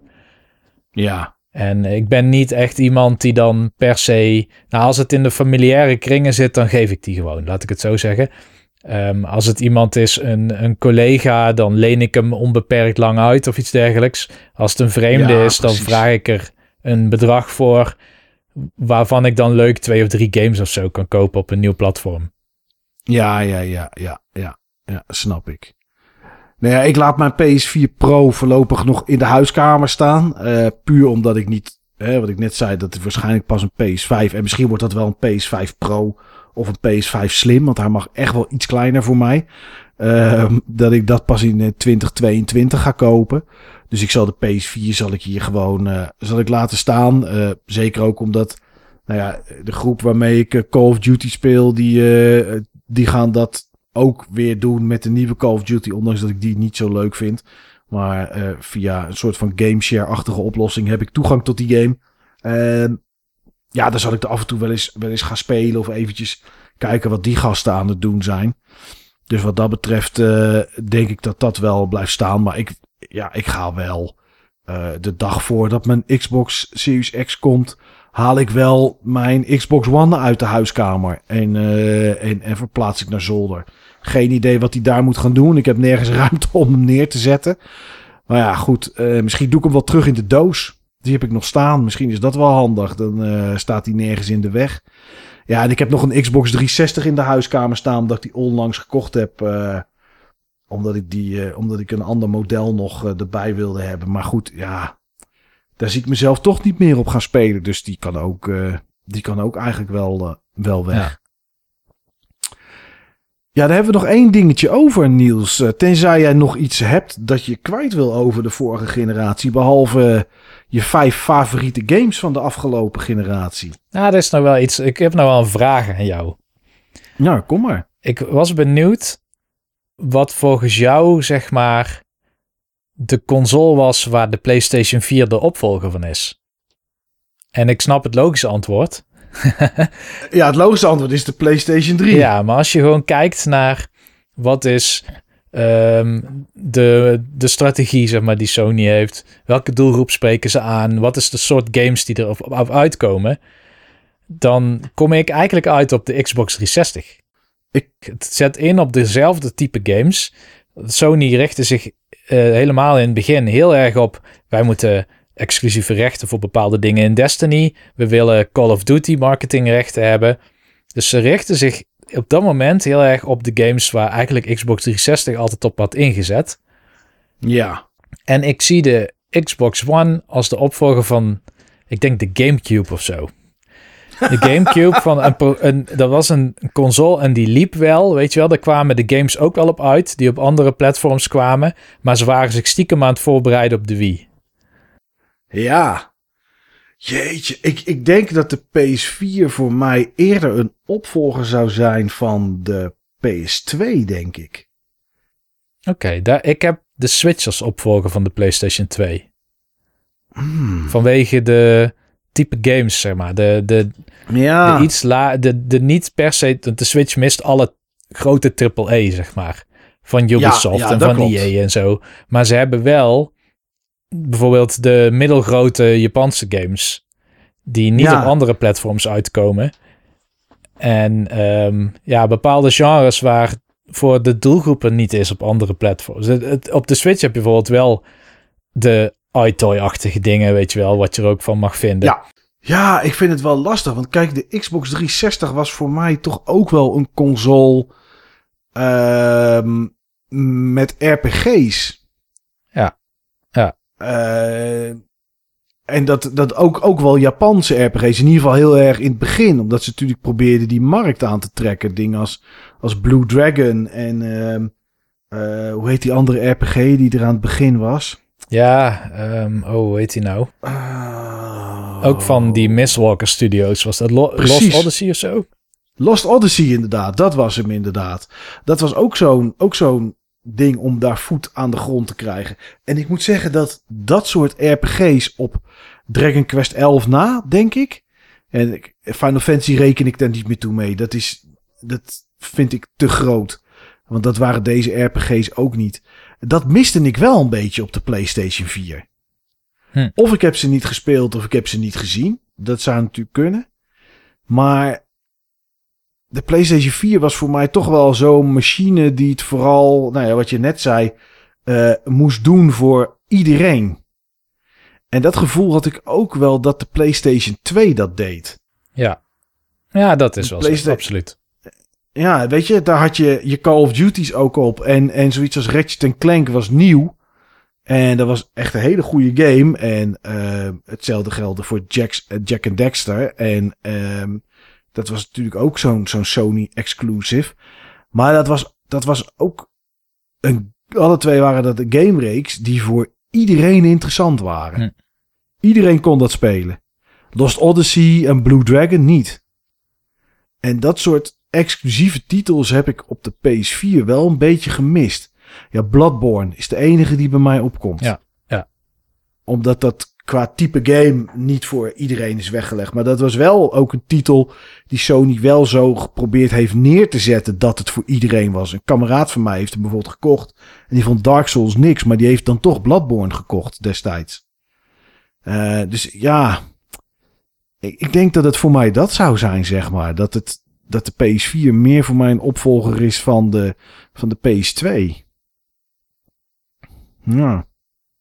Ja, oké, ja, wel interessant. Ja, ik kwam het toevallig in een, uh, in een marktanalyse tegen. Dus de, daar kwam het idee vandaan. Ah, oké. Die zei ook van ja, de PlayStation 4 richt zich echt op de doelgroep van de Xbox 360. En dat, dat zie nou, ik denk wel, ik denk wel dat daar wat in zit hoor. Dat ze dat geprobeerd hebben om uh, het publiek dat Gears of War en Forza bijvoorbeeld heel tof vonden, om dat naar zich toe te trekken. Ja, en het komt misschien wel. Hè? We hebben laatst een keer in BB Bulletin het gehad over zo'n activistische shareholder die heel, uh, zich ingekocht heeft in Nintendo, zeg maar. Ik weet even niet meer hoe die heette. Uh, Maar dat is Sony ook overkomen. En dat is de reden waarom PlayStation verhuisd is naar Amerika en dat al het management Amerikaans is. Is dat zo, ja? Dat heeft uh, dus zo'n zo'n activistische shareholder heeft dat volgens mij, dacht ik gelezen te hebben althans, in gang gezet. Anders was het nog steeds een oh. Japans bedrijf. Ja, oké. Ja, wat de, de PS4 ook is, is gedesigned. Hij zal het niet eens eentje gedaan hebben in een, in, een, in een schuurtje of zo. Maar daar staat natuurlijk aan het hoofd Mark Cerny. En dat is voor de 5 net zo.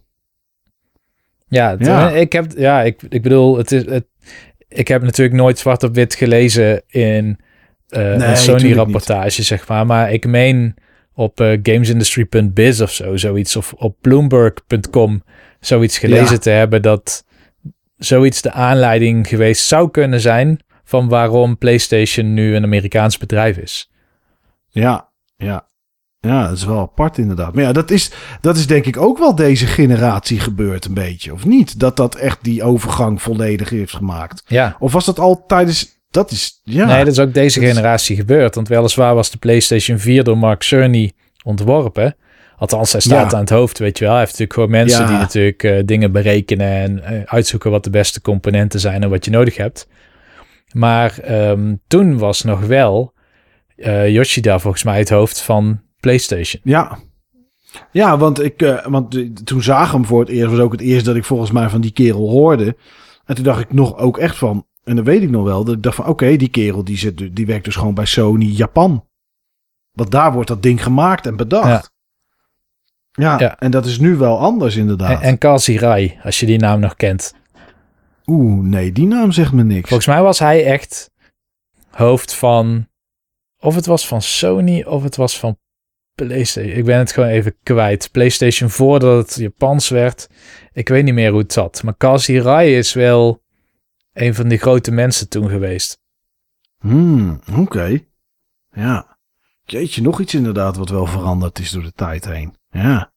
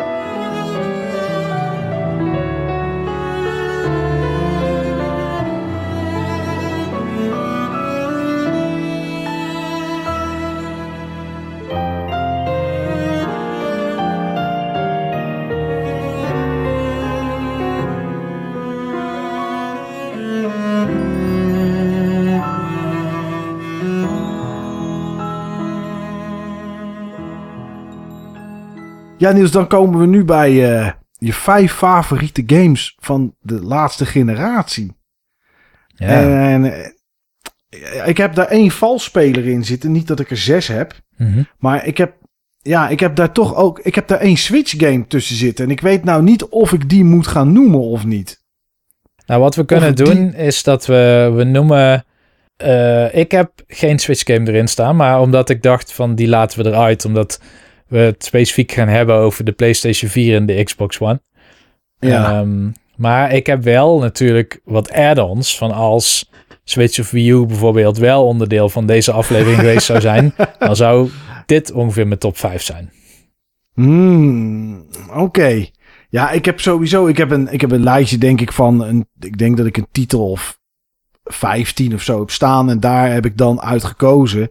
En ik dacht van oké, als ik deze Switch titel niet noem, dan pak ik een van die andere games waarvan ik vind dat die erin, uh, dat die erin moet staan. Nou, weet je, laat ik die dan uit de weg ruimen. Ja. Laat ik, uh, Breath of the Wild. Mm -hmm. Ja, dat was voor mij één van de vijf. Maar nu is dat dan, nou ja, laten we de bekende honorable mention dan maar noemen. Ja, doe dat maar. Uh, ja, dat ik, dat ik die daar dan zeg maar neerzet. Omdat ik, ja, die vond ik toch als je kijkt naar de kwaliteit van de andere games die ik erin heb staan, dan vond ik dat dit daar echt wel bij hoorde. Dit is echt on par met, uh, uh, met, met de rest wat ik daar, wat ik daar heb staan. Ja. Nou goed, we zeiden al, het is geen echte top 5 qua dit staat op nummer 1, want dat is echt niet te doen. Over een periode van, van zeven jaar. Maar goed, laat ik dan maar de eerste noemen die, die echt in mijn top 5 staat.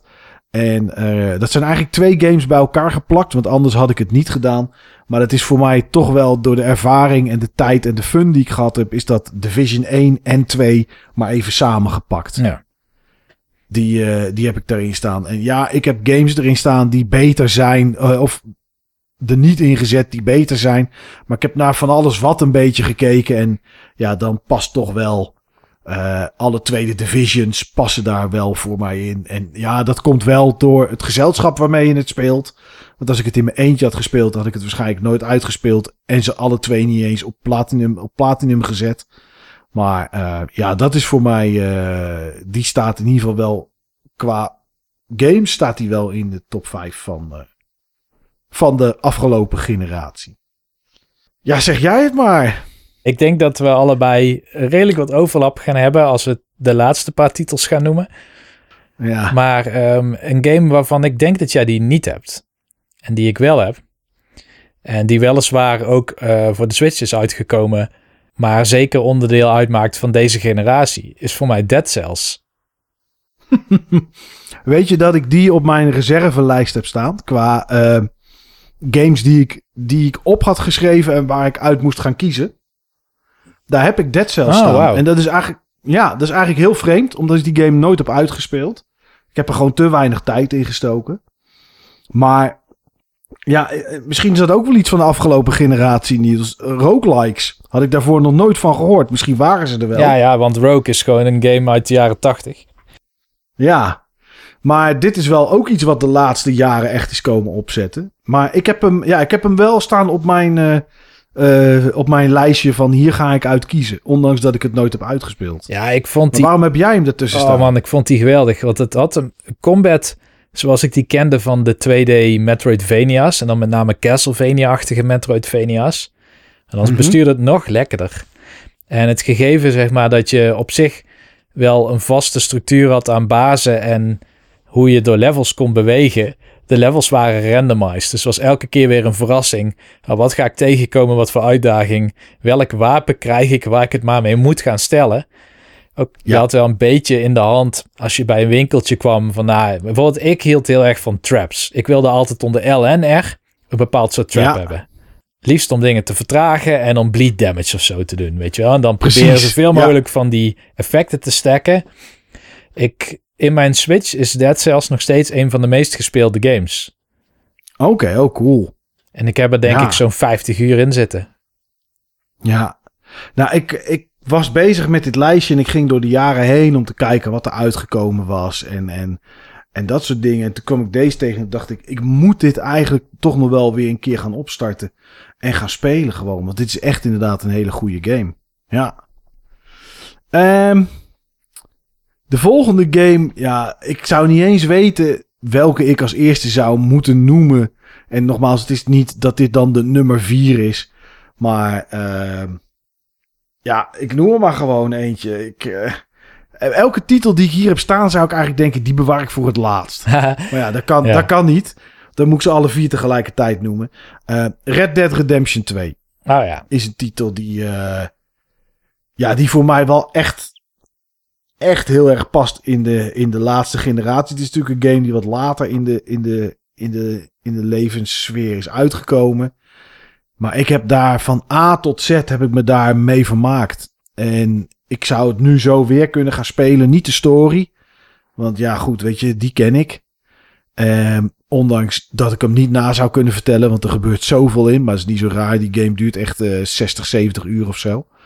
Maar er is nog zoveel te ontdekken in die wereld. En, en ondanks dat misschien dit soort open werelden ook wel laatste generatie was, omdat het toen wat beter mogelijk was qua, uh, qua performance. Als je kijkt naar eerder terug naar de PS3 en de Xbox 360 met GTA uh, 5. Was, ja, we hebben niks anders gehad, deze generatie. Mm -hmm. uh, GTA 5, dat, hè, dat trok het allemaal net niet. En, en ja, dat, zo soepel liep het allemaal niet. En we hebben natuurlijk wel meer games gehad die een beetje open wereld waren. Maar uh, ja, dit was toch wel echt een hele grote open wereld. Die er ook nog eens super mooi uitzag. Waarvan alles gebeurde.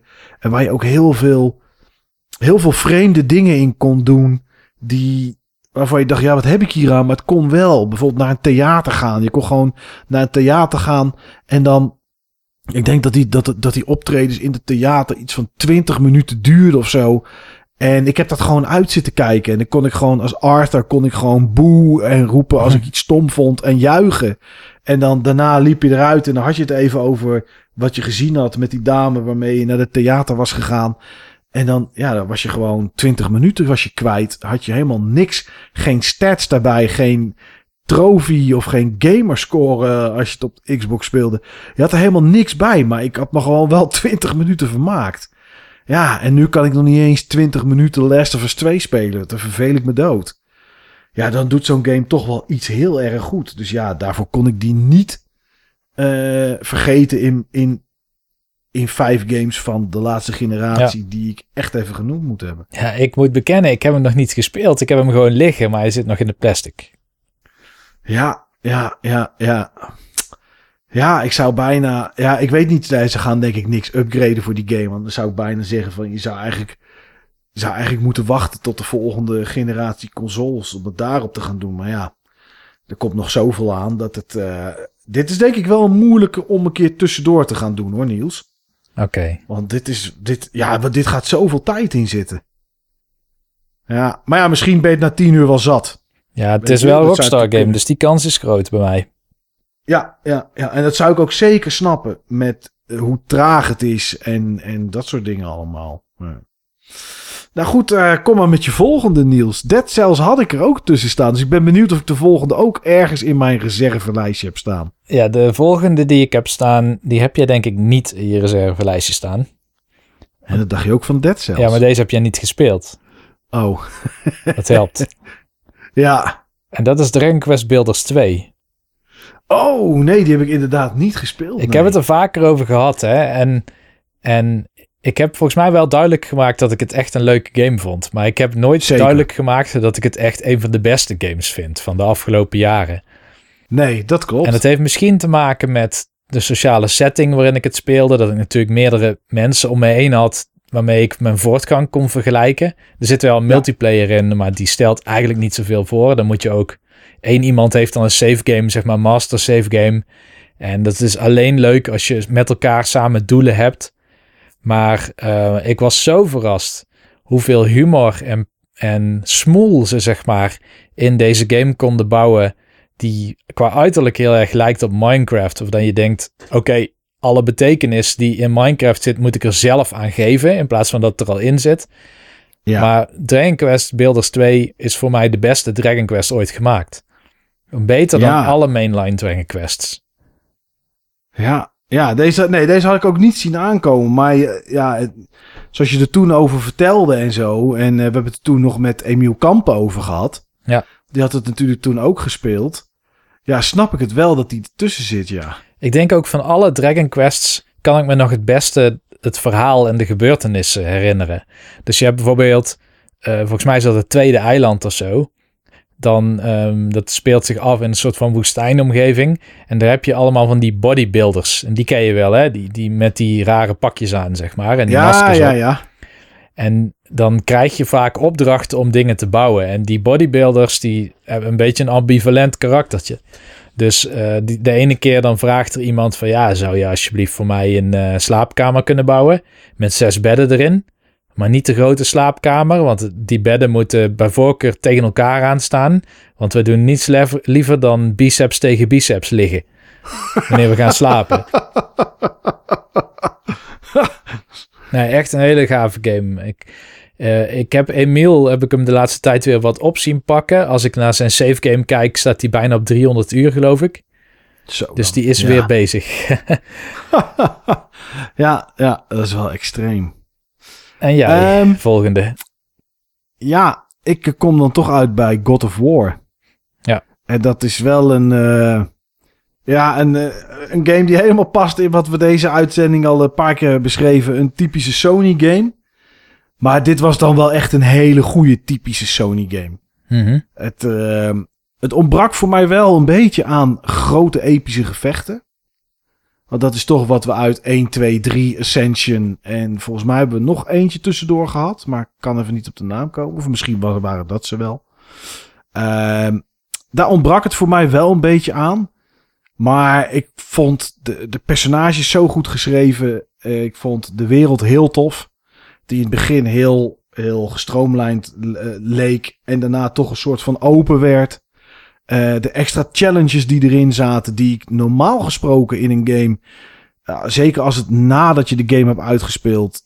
eh, hebt vaak laat liggen. Maar hier ben ik. Trials of Mispelheim was het volgens mij. Dat was een van die twee plekken. Waar je volgens mij die eh, kamers had met dat gas. Waar je maar heel eventjes in kon lopen. Eh, ben ik gaan doen. En eh, er was, waren nog trials ergens op een berg. Met, waar je omhoog moest klimmen. Met allemaal lava en spul. Ja, dat heb ik toch nog zitten doen. Ja. En dat gebeurt niet vaak. En, en we hebben het destijds in de Buttonbashers podcast wel over gehad. Maar het gevoel van alleen al... En het is maar iets... Nou, het is niet heel, iets heel kleins. Maar eh, het is maar een heel klein onderdeel van de game. Het gevoel van die, van die hakbel die je gooit en dan vooral terugvangt in je hand. Hoe dat gaat, hoe dat klinkt en hoe dat dan aanvoelt, zeg maar. Met die rumble, Ja. ja. Heel lekker. Ja, dat is, dat is, gewoon, dat is gewoon extreem goed. Ja. Dat is echt extreem goed. En dan het, de, de, de, het verhaal, weet je, net zoals bij Red Dead Redemption 2, ehm, is dit een game waarvan je het gevoel hebt dat als je de leeftijd hebt die ik heb, en ik ben inmiddels 44, maar dat deze game ook nog voor mij wordt gemaakt. Dat ik zeg maar me serieus gevoel, eh, serieus genomen voel door die game. Dat er niet een of ander, ja, weet ik veel, Jip en Janneke verhaaltje in zit of zo. eh, met, met, met van die, van die sullige grapjes. Wat ik zeg maar eh, een beetje toeschrijf aan bijvoorbeeld Infamous of zo. Ja. Weet je, of Spider-Man. Spider-Man heeft dat ook, ja.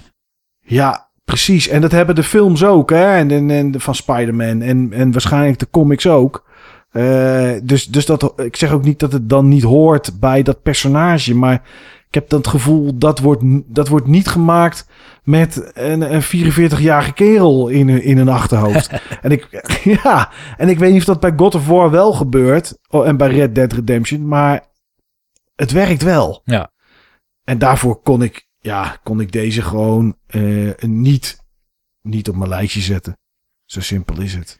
Nee, ik snap hem. Ik zal je zeggen, hij zit niet in mijn top 5 en ik heb er heel lang over getwijfeld. Ehm, Oké, ja. En de, de twijfel zat er maar in dat ik herken hoe goed die game is en hoe goed die is gemaakt.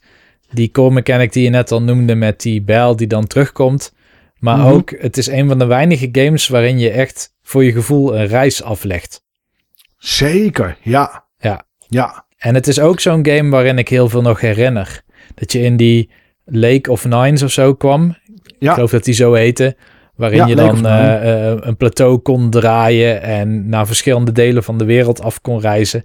En Ja. er was echt niks wat niet goed was aan die game. Behalve Nee, misschien dat klopt.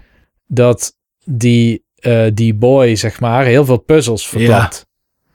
Ja, ja, maar ja, dat heb ik, dat heb ik nu ook bij The Last of Us 2. Oké, Dat ben je dan aan het spelen en dan, ehm, dan denk je van oké, ik ben in een ruimte. Ik ga overal zoeken voor de extra's of voor eh, de, de, de, eh, de ingrediënten, de crafting materials en voor kogels. En nou ja, voor alles en nog wat. En ik wil gewoon ook even rondkijken, want misschien zit er wel een easter egg verstopt of iets grappigs of iets leuks.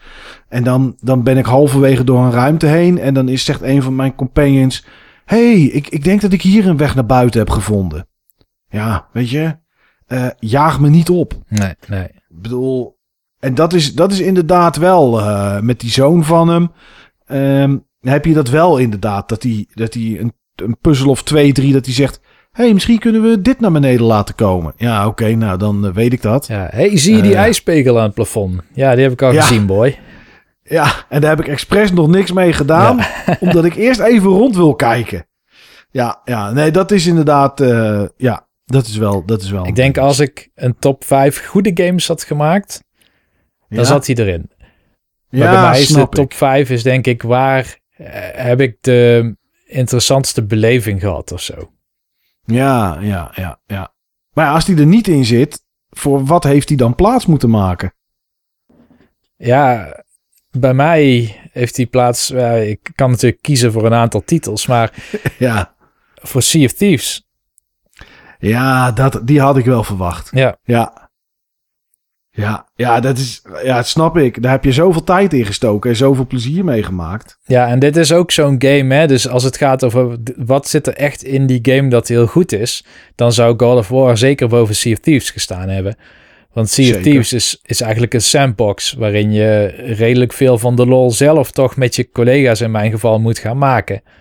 Ja. Maar als ik kijk gewoon inderdaad naar die lol die we dan hebben gemaakt, dan is dat, heeft dat extreem mooie ervaringen opgeleverd waar ik nog steeds aan terugdenk. Die game start ik nog steeds op. Vrij regelmatig. En dan vind ik het alleen al te gek om gewoon op een boot over die zee te staren. Ja, nou, dat is het ook. Ja, Ja. En het is, dit is wel typisch zo'n voorbeeld van waar we het net over hadden. Service game.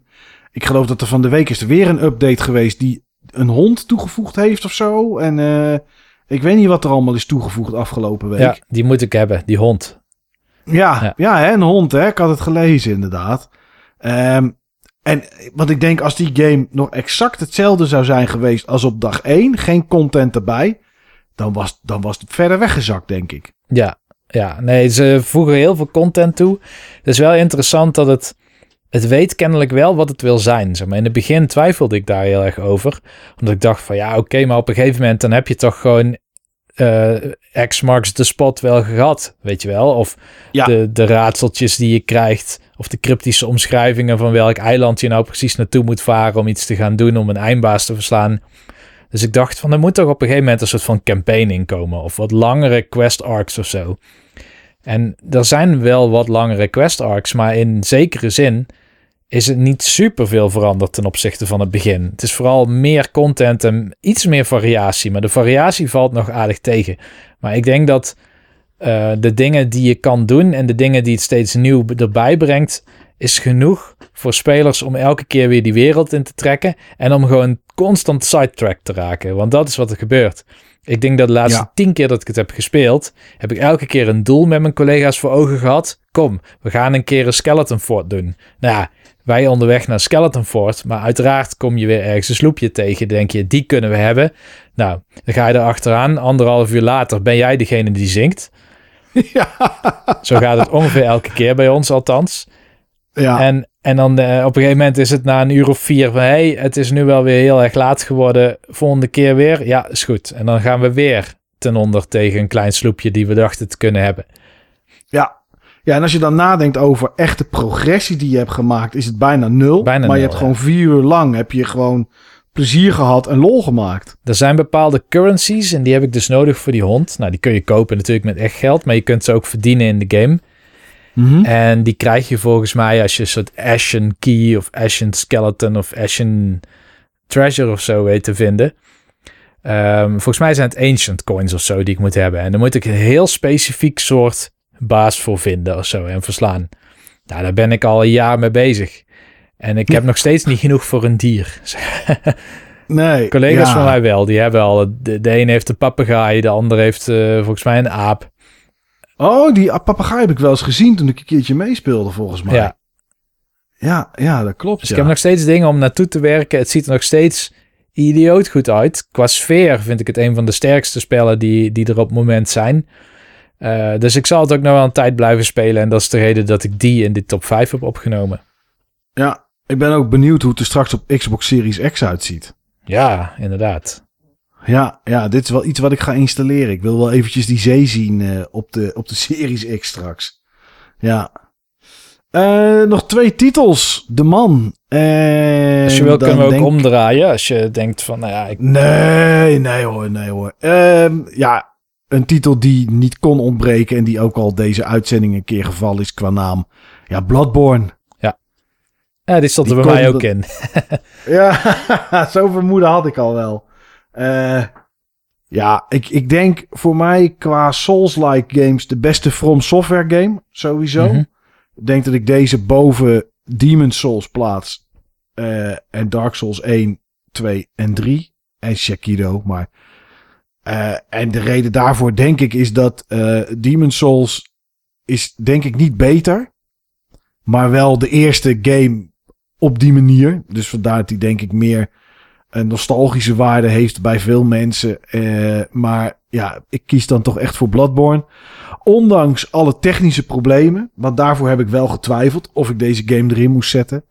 Maar ik heb hier zoveel lol mee gehad. Ja, Ik heb zo, en, en wij samen ook, hè, met eh, in een party zitten en dan alle twee ongeveer op hetzelfde punt. En nou ja, de een verder, de ander. Oh, als je, nou, als je doorloopt, wat ik nu, wat ik nu hier tegenover me heb. Ja. Nou, dat soort momenten maken het, maakten het heel erg tof. En ehm, ja, ik heb de eerste keer. En dat is niet zonder guide geweest, want anders had ik nooit alle bazen gevonden die ik, eh, die ik verslagen heb. Zoals eh, Martha Logarius, die ik toen verslagen heb. En heb ik toen nog een stukje gameplay sharing gedaan eh, naar jou van dat gebied wat ik, wat ik achteraf gevonden had. Waar je met een paard en wagen naartoe moest, zeg maar, Mhm. vanuit een ander gebied. Dus dat soort dingen heb ik wel via, via een guide die daar een beetje naartoe hinten, heb ik dat dan wel gevonden. Ehm, maar ja, dat, daar heb ik zoveel plezier aan gehad. En ik denk ook dat ondanks dat Dark Souls, eh, dat Demon Souls uit was, Dark Souls 1. En was 2 al uit of kwam 2 kort daarna? 2 kwam kort daarna volgens mij, hè? Ehm, Of misschien in hetzelfde jaar zelfs wel. Die was denk ik wel eerder uit. Die, die iets met Sins. Wat was het ook weer? Ja, dat, die kwam later volgens mij. Volgens mij was dat was de uitbreiding en toen eh, gingen ze daar eh, School of the First Sin was Ja. dat. Even kijken hoor. Dark Souls 2 die was 11 maart 2014. Nou, volgens mij was Bloodborne eh 2015 of niet? Ja, 14 maart 2015. Ja, oké.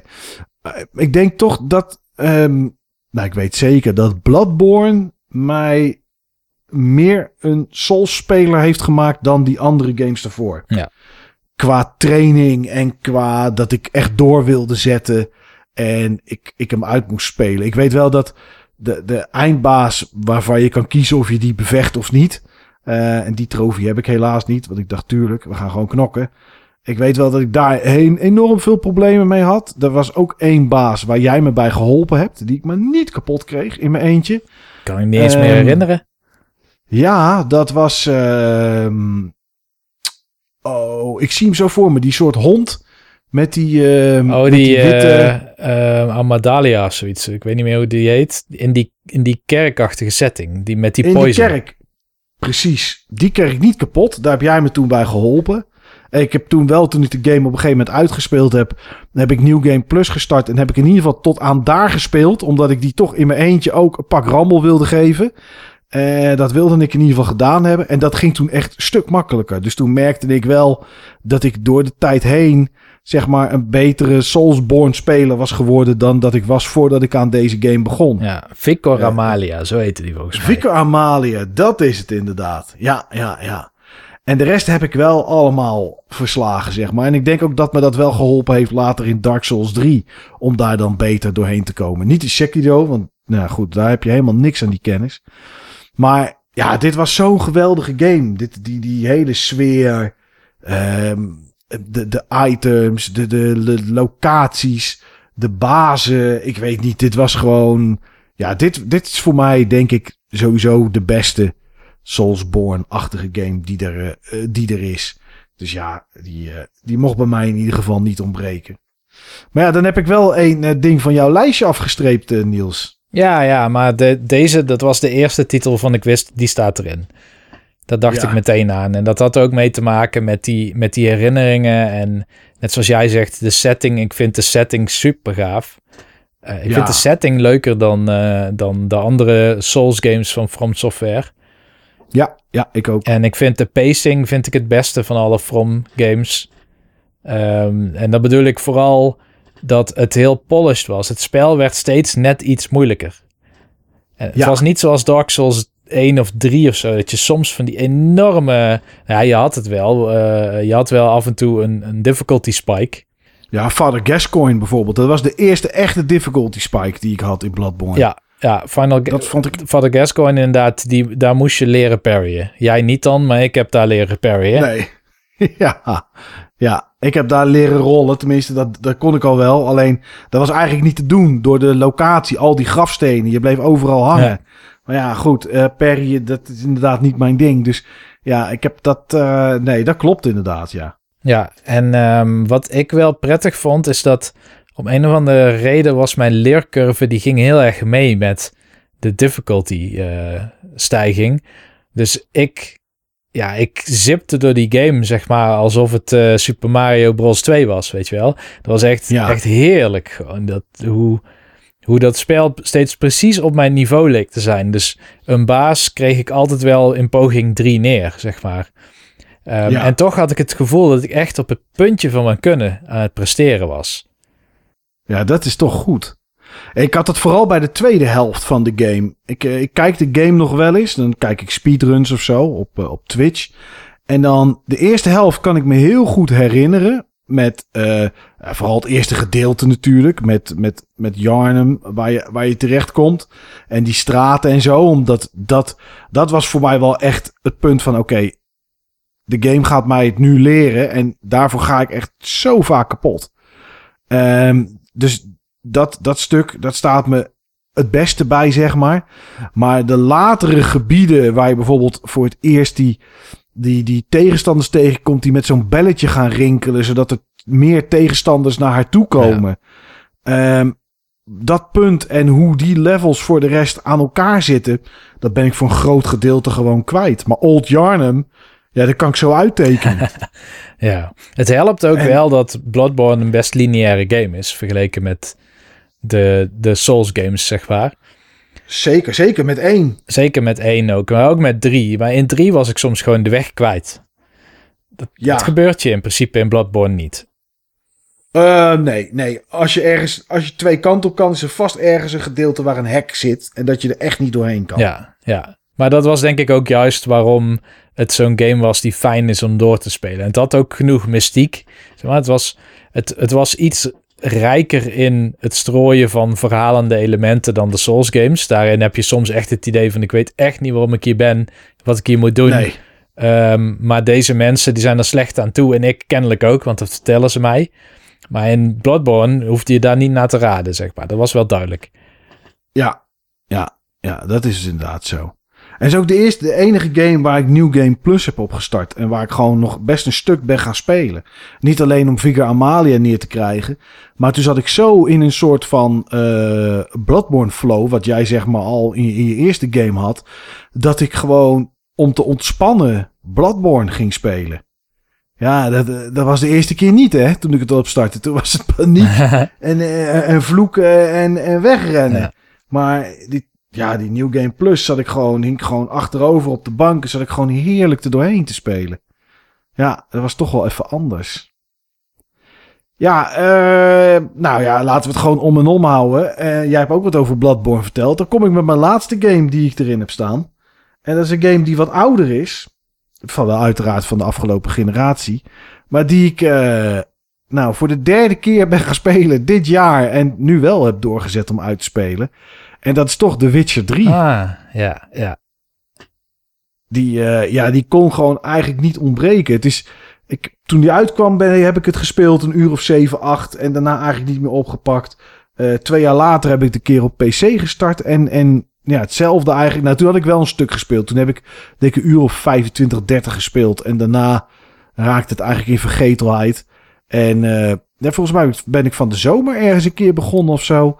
Heb ik uh, het main verhaal uitgespeeld. Ik heb alle um, sidequests heb ik gedaan die ik kon vinden. In ieder geval. Volgens mij had ik ze allemaal. Op uh, wat paardenracen en Gwent dingen na. Want dat is helaas niet gelukt. Ik had alle Witcher contracten. Want daar krijg je namelijk een trofee voor. Dus dan weet ik zeker dat ik die, uh, dat ik die had. Ja, en het verhaal natuurlijk. Het verhaal natuurlijk uitgespeeld. Ja, en toen kwam ik op, ik geloof, rond de 70 uur of zo. Ja. Toen heb ik nog getwijfeld of ik die DLC's moet pakken, want die zijn echt heel goed. Maar goed, daar heb ik het laatste al een keer in Baby Bulletin over gehad. Ik had de keuze dus of 25 euro voor DLC uit te geven voor een game waar ik net klaar mee was om 70 uur in te stoppen. Dus niet echt heel erg veel fut had om dat weer op te starten, hoe goed ik het ook vond. Of The Last of Us 2 te kopen. Nee, toen heb ik dat maar besloten. Achter, nu denk ik, heb ik spijt van. Maar uh, ja, goed. Dus ja, het, dit is zo'n geweldige game. Dit, uh, die wereld, de verhalen, de personages. Uh, als je het wat langer speelt, zie je wel wat dingen dat je denkt, oh ja, dit vind ik wel een beetje jammer. En dat zijn personage copy-pastes. Ik heb nog nooit zoveel merchants gezien met zo'n rond brilletje en een doekie op zijn hoofd. Ondanks dat er één tussen zit die overal naartoe reist, maar anderen hebben andere stemmen. Uh, dat, is, dat is het enige dat wel een beetje off-putting was, zeg maar. Dat er wel wat copy-paste personages in zaten. Maar ja, die, die, die, die steden zoals Novigrad en...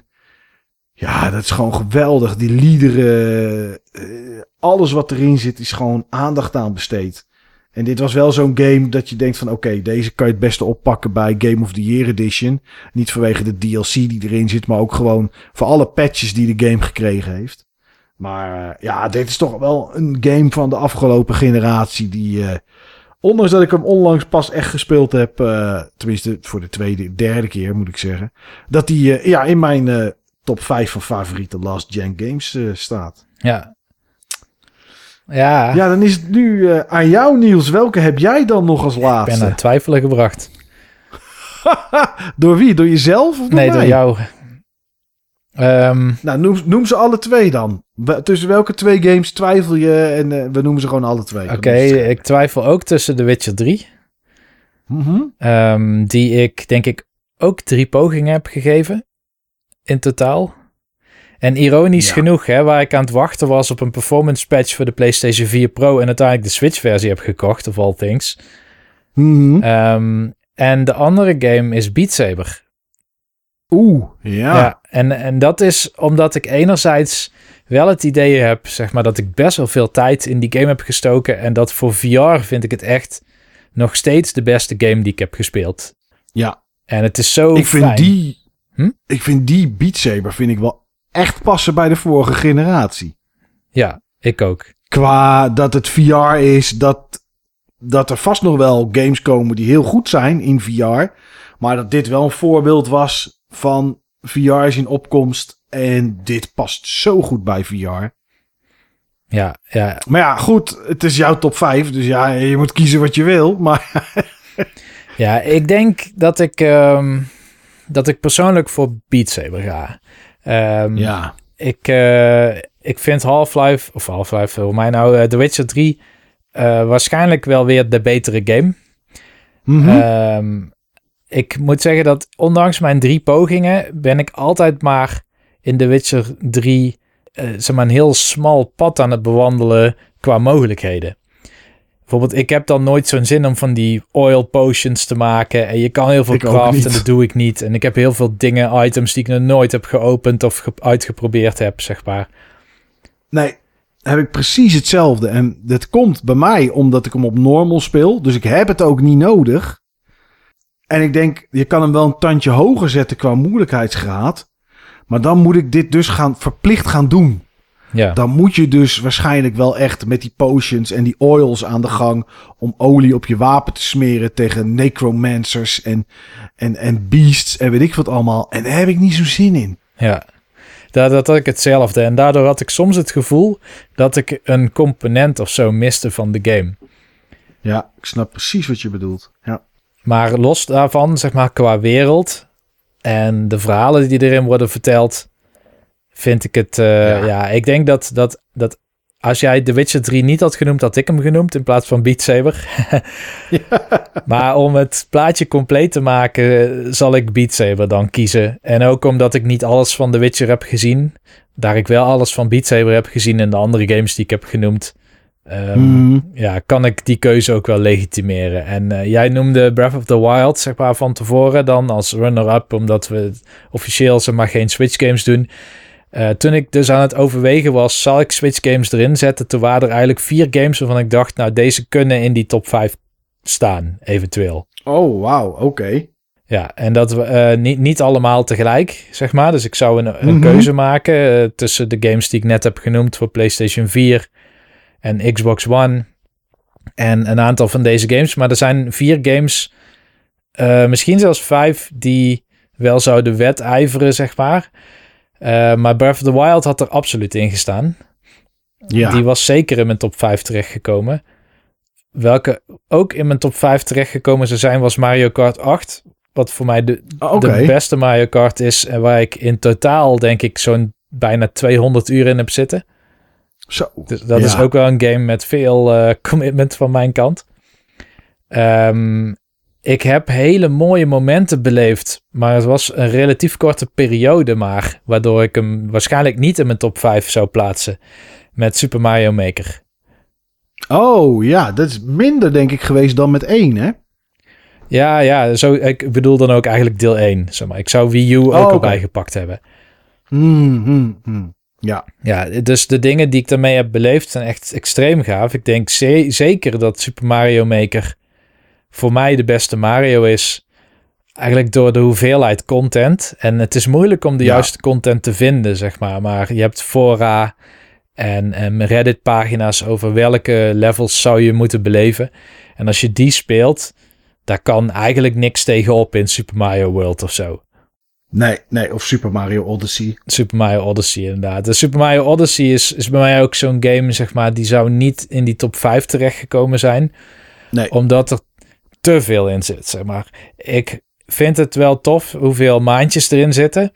Maar er zijn Ja. er ook zoveel waar je eigenlijk bijna niks voor hoeft te doen. Die je gewoon tegenkomt, weet je wel, onderweg. Ja, of hey, ja, ik zie iets glimmen in de grond. Even budstompen, bam. Hé, hey, maandje komt eruit, weet je wel, mooi meegenomen.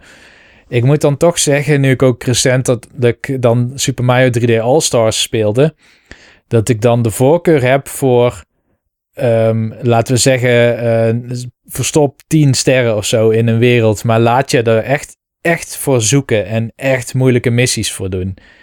In, Ja. in plaats van, het was nu soms gewoon inwisselbaar. Hey, weer een maandje. Oké.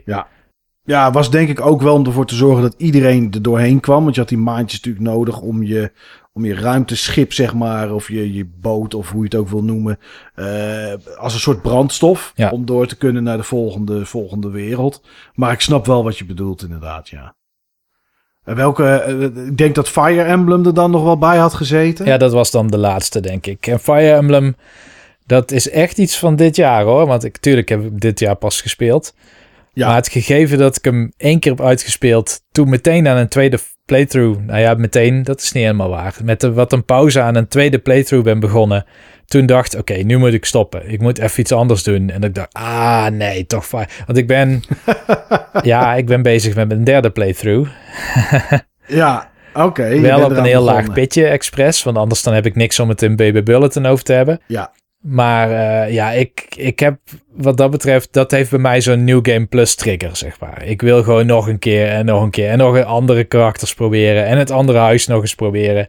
En een andere moeilijkheidsgraad proberen. En oh, ik heb de DLC nog, weet je wel. Dus dat is wel zo'n game. Ja, ik, ik weet niet. Kijk, Steve was er ook heel hard in aan het gaan. En die speelde 150 uur over één campaign en die brandde helemaal op. Ja. Um, ja. Dat, dat kan bij net, mij ook net te veel, hè? Ja. Ja. Dus... Nee, ik had nog wel wat games ook staan, hoor. Ik bedoel, uh, ik had bijvoorbeeld Resident Evil 2 remake oh, had ik staan. Zeker. Die vond ik echt heel goed. Alleen, ik weet, vraag me niet waarom. Maar die heb ik maar één keer uitgespeeld. Alleen met, met, met Leon. En ik ben niet eens aan Claire begonnen. En dat is niet omdat ik de game niet goed vond, maar het is er nooit van gekomen.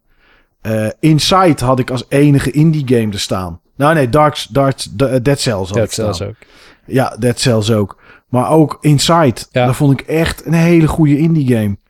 Uh, iets waar ik enorm mee gelachen heb en me enorm mee vermaakt. South Park, The Stick of Truth. Hm. Alleen, ja, weet je. Uh, zet dat af tegen Red Dead Redemption 2 en het wint het niet. Nee. Maar het is wel een hele goede game. Uh, Detroit Become Human had ik ook op mijn lijstje staan. Helemaal niet een game die een onwijs uitblinker is. Alleen het was zo'n lekker verhaal en ik ging daar zo doorheen, zeg maar. Ja, dat was ook gewoon een mooie ervaring. Weet je welke ik ook nog wel had verwacht bij jou? Nou? Final Fantasy 7 Remake. Oh, zo. Daar heb ik niet aan gedacht, nee. Ah. Ja. Ja, die had daar ook kunnen staan. Ja.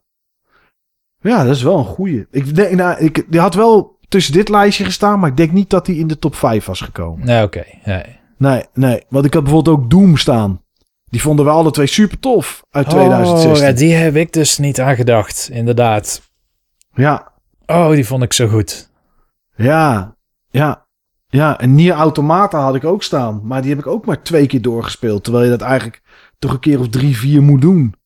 Ja, het kwam er gewoon niet van. Maar ja, weet je. Oei, Doom. Uh, ja, Doom zou beslist in een top 10 hebben gestaan bij mij. Ja, ja, ja, ja, bij mij ook. Maar ja, top 5 viel die er toch net buiten. En dan verkies ik toch, dat is raar, verkies ik toch de Division games boven Doom. Omdat Doom, weet ik veel, 20 uur was en klaar. En die Division games die hebben me zoveel meer tijd gegeven, zeg maar. Ja, dat is wat Sea of Thieves voor mij was.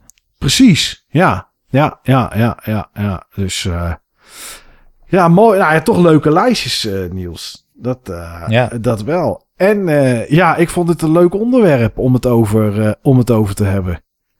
De vorige generatie, hoe schimmig die term dan ook is, zijn, we deze de, zijn we tijdens deze uitzending wel achtergekomen. Ja, en nu we over die games hebben gehad, weet je wel, met die top 5 en zelfs dan gestretched tot de top 10.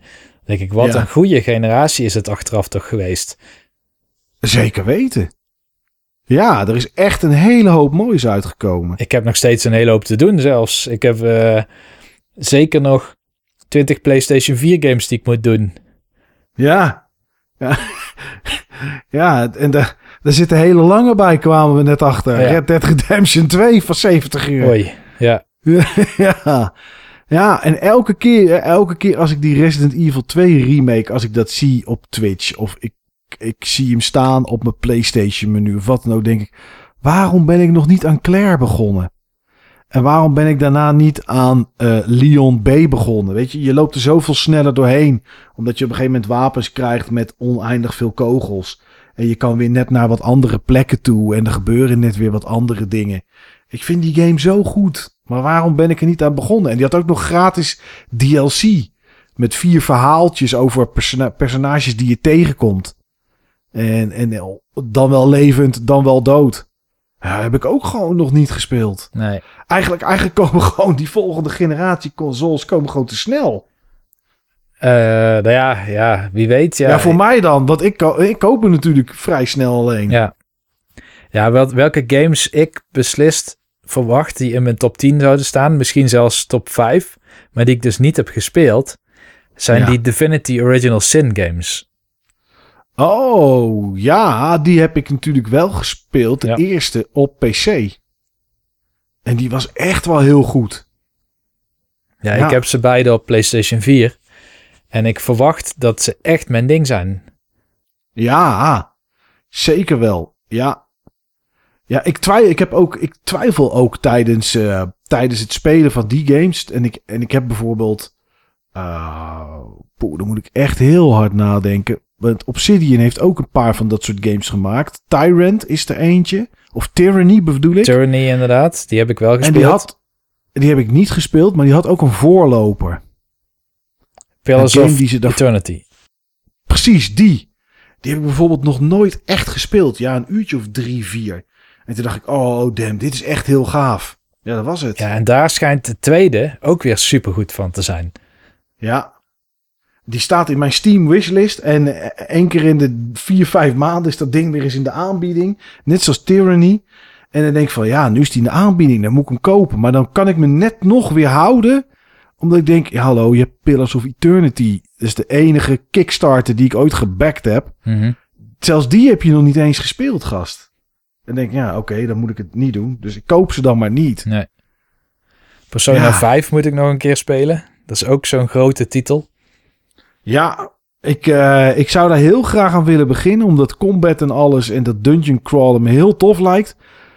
Maar ik ben bang dat die tussendingen met pratende katten in scholen en zo, dat dat Ja, net niet voor mij is.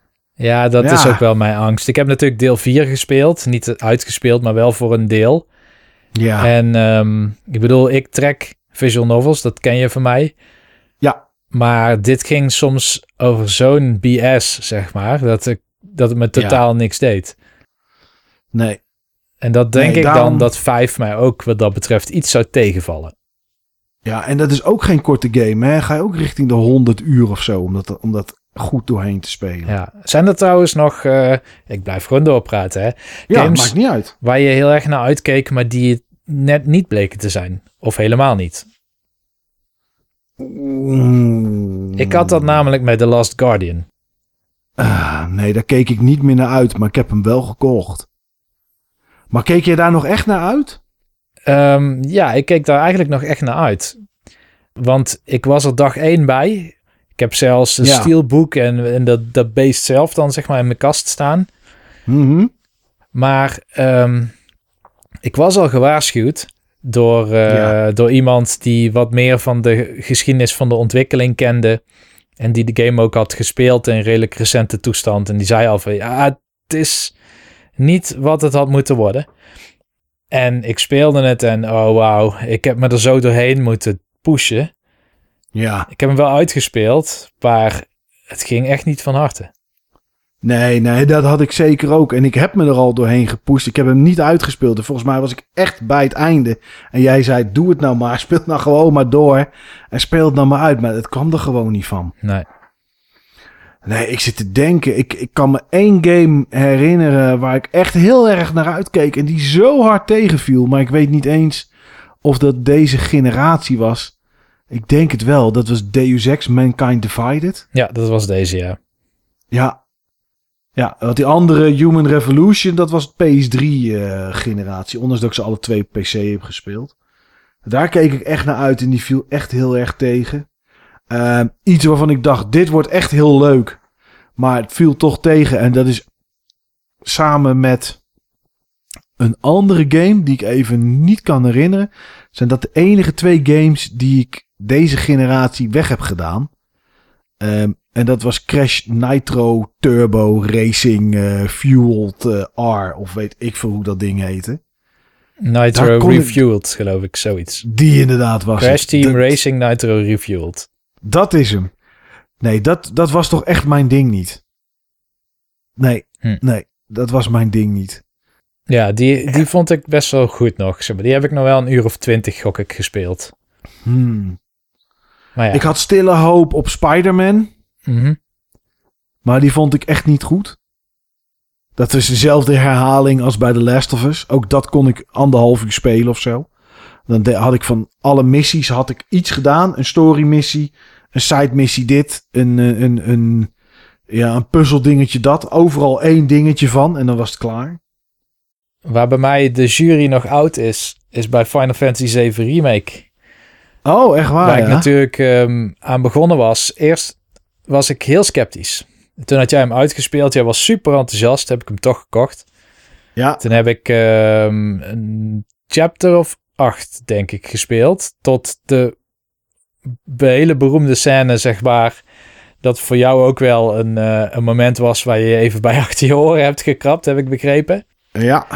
En, ehm, en toen heb ik hem op een gegeven moment laten liggen. En dat had heel erg te maken met... We hadden een BB Bulletin... Nee, een Club Bed Bashers over de, eh, de reguliere Final Fantasy 7 opgenomen. Ja. En ik merkte dat de remake steeds vloekte met het beeld wat ik had. Van het origineel. Ja, dat klopt wel. Ja. En, en dat dat was van... Ah, ik wil eigenlijk niet dat beeld aantasten van het origineel wat ik heb. Want het vult heel veel in. Je bent ook veel langer in de slums. En je zit soms ellendig lang in een soort complex wat er altijd hetzelfde uitziet. En ik dacht, de, het origineel, dat hele gedeelte in, in Midgar of zo, duurt iets meer dan vijf uur. En Ja. ik was in, eh, in, in de sequel al 15 uur of zo in Ja, een gedeelte daarvan bezig. Uh, maar toen had ik wel het idee van ja, maar eigenlijk vind ik alles goed. Maar ik vind de combat leuk. Echt veel leuker dan verwacht. Ik was er heel sceptisch over. En, Ik ook, en toch ja. werkte het. Ehm, ik vond de, de, de boss battles vond ik, eh, vond ik heel spectaculair. Ja, zeker weten. Ja, ja. Heel, heel filmisch. Hele goede muziek erbij. Nou, inderdaad. Ja, dat was, zou mijn volgende punt zijn. Ik vond de muziek, ik had niet verwacht. Ik vond het beter dan het origineel. Ja. Ehm, maar er was dus een component dat een beetje schuurde bij mij, zeg maar. En ik heb wel het idee dat op het moment dat straks het deel 2 er is, dat de herinnering van het origineel weer iets verder op de achtergrond zit. En dat ik denk, oh ja, weet je, het is eigenlijk wel eens cool om weer zo Final Fantasy 7 te gaan doen. Dat is het moment dat het bij mij wel klikt. Ja, en dan heb ik ja, liever die ik. herinnering. Dus ik zet hem expres in de ijskast Ja. die dan eh, degene is waarin ik de game herinner. En niet dat ik het zit te vergelijken. Van, ah ja, weet je, de sfeer in het origineel vond ik toch sterker. Of waarom valt die plaat nou niet naar beneden in, in de remake, zeg maar. Ja. Ja, ja, ja, ja. Nee, dat snap ik wel inderdaad. Ik zit te denken of ik nog meer van dat soort games heb gehad, joh. Dat ik dacht van, oh, hier heb ik zin in. En dat je het dan koopt en dat het echt gewoon een natte krant is. Maar ja, ik denk dat dit ze wel een beetje waren. of ik wil toch wel één hidden gem trouwens noemen. Nou, kom maar. Stiekem is dat wel een remake van een Vita-game trouwens. Maar dat is Gravity Rush. Toen je zei remake van een Vita-game, toen wist ik het. Ja, het is in ieder geval niet die game met dat papier. Eh, eh, wat is het? Iets met Unfolded of zo eh, heette het. Ter- Tearaway. Tearaway, inderdaad. Ja, dat was wel Ja. weer, dat was bijna zo'n zo'n Last Guardian verhaal, zeg maar. Daar moest Ja, ik echt... die heb ik wel gespeeld op de PS4. Ja, Die heb ik toen van mijn kerstpakket gekocht. Toen was nog kerstpakket, kreeg je nog eh, een bon van 50 of van 60 euro. Die je dan eh, bij, ook bij de weekkamp of zo kon uitgeven. Dacht ik, nou dan koop ik Tearaway Unfolded. Koop ik dan. ja. Wat vond jij ervan? Ja. Ja, ik vond het wel grappig. En, maar ik zat wel de hele tijd te denken, oké, op de Vita had dit wel heel tof geweest inderdaad. Met tikken tegen de achterkant en zo. Ik zag heel de tijd zag ik erin hoe dat dan op de Vita eh, eruit zou hebben gezien en gespeeld zou hebben. Ja, dat had ik ook, ja. Ja, ja, en dat kon ik niet loslaten. Omdat, ja, dus, nee, dat was dan, eh, ja. Maar Gravity Rush heb ik nooit gespeeld. Nou Ja, wat ik... Gravity Rush is eigenlijk, vind ik, En dan heb je het over één of twee? één. Oké. Maar het is vooral de wereld. Het is die setting. Die vond ik ontzettend gaaf. Eh, het is zeg Hmm. maar hetzelfde als eh, het idee wat je hebt bij Kingdom Hearts. Weet je wel, van oh, dat is eigenlijk best wel cool met Donald Duck, maar dan net een edgier versie ervan. En van die zwarte Ja. poppetjes en zo. En Gravity Rush he- eh, doet recht aan dat idee, zal ik maar zeggen. Hmm. Eh, maar de gameplay, net als bij Kingdom Hearts, laat toch wel wat te wensen over. Ja. Ja, Dit zou wel zo'n titel zijn, heb ik helemaal niet aan gedacht, die op mijn lijstje komt te staan met, als ik deze nog eens tegenkom, qua PS4 exclusive, want ik heb geen Vita, eh, dan, dan neem ik hem mee, zeg maar, als die voor een leuke prijs ligt. Want dit heb ik, ik heb dit dus nog nooit gespeeld. Nee. Gravity Rush. Nee.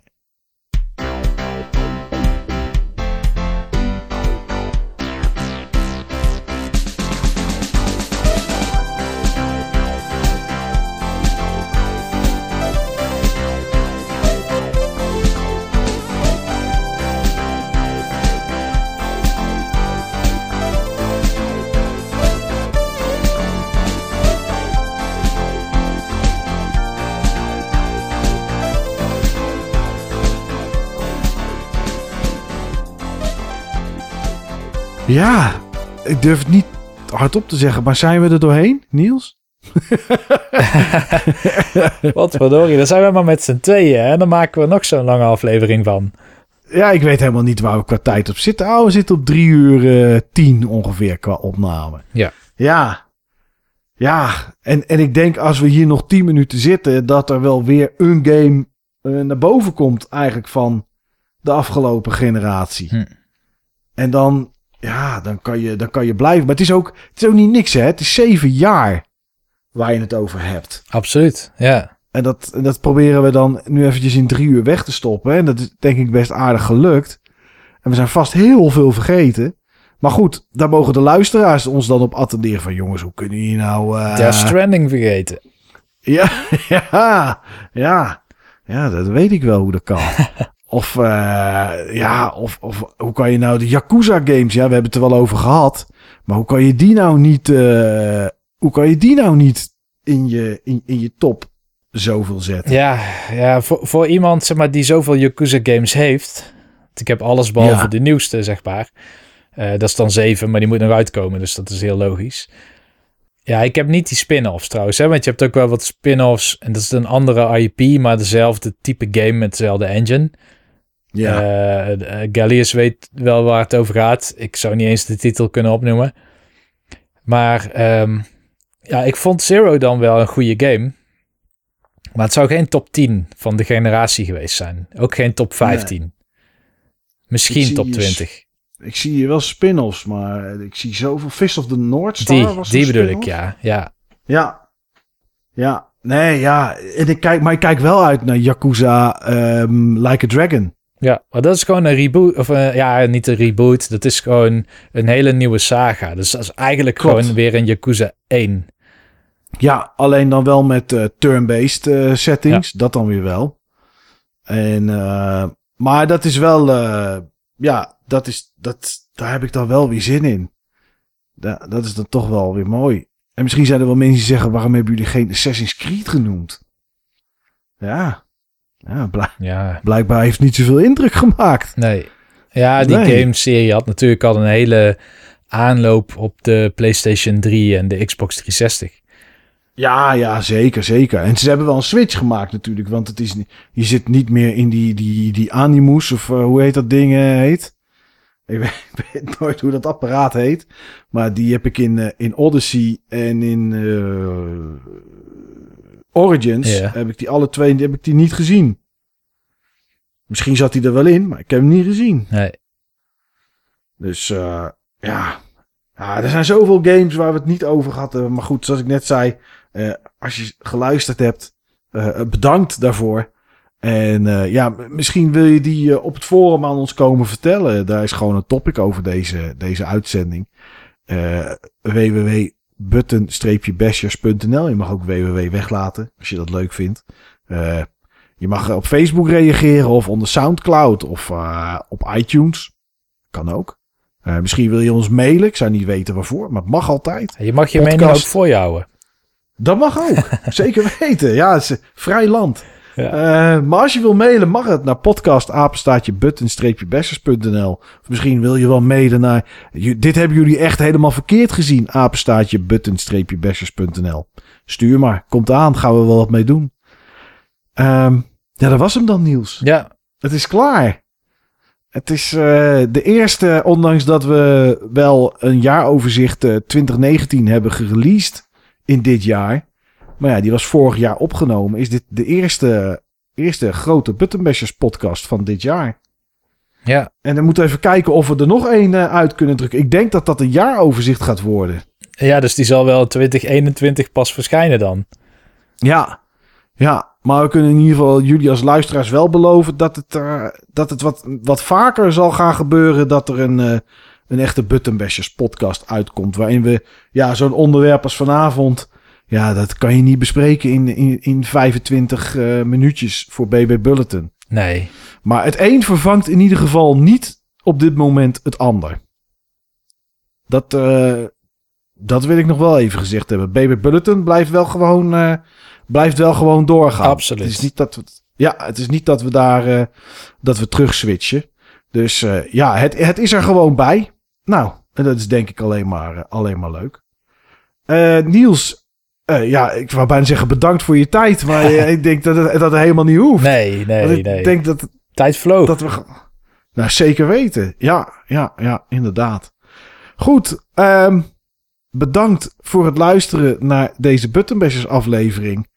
Eh, nummer 100 hadden we aan het begin gezegd. Hè? We hadden het gewoon een nummertje gegeven. Zeker. Ja, Buttonbashers aflevering 100. En eh, nou ja, laat ik heel voortvarend zeggen, op naar de volgende 100. En tot de volgende keer.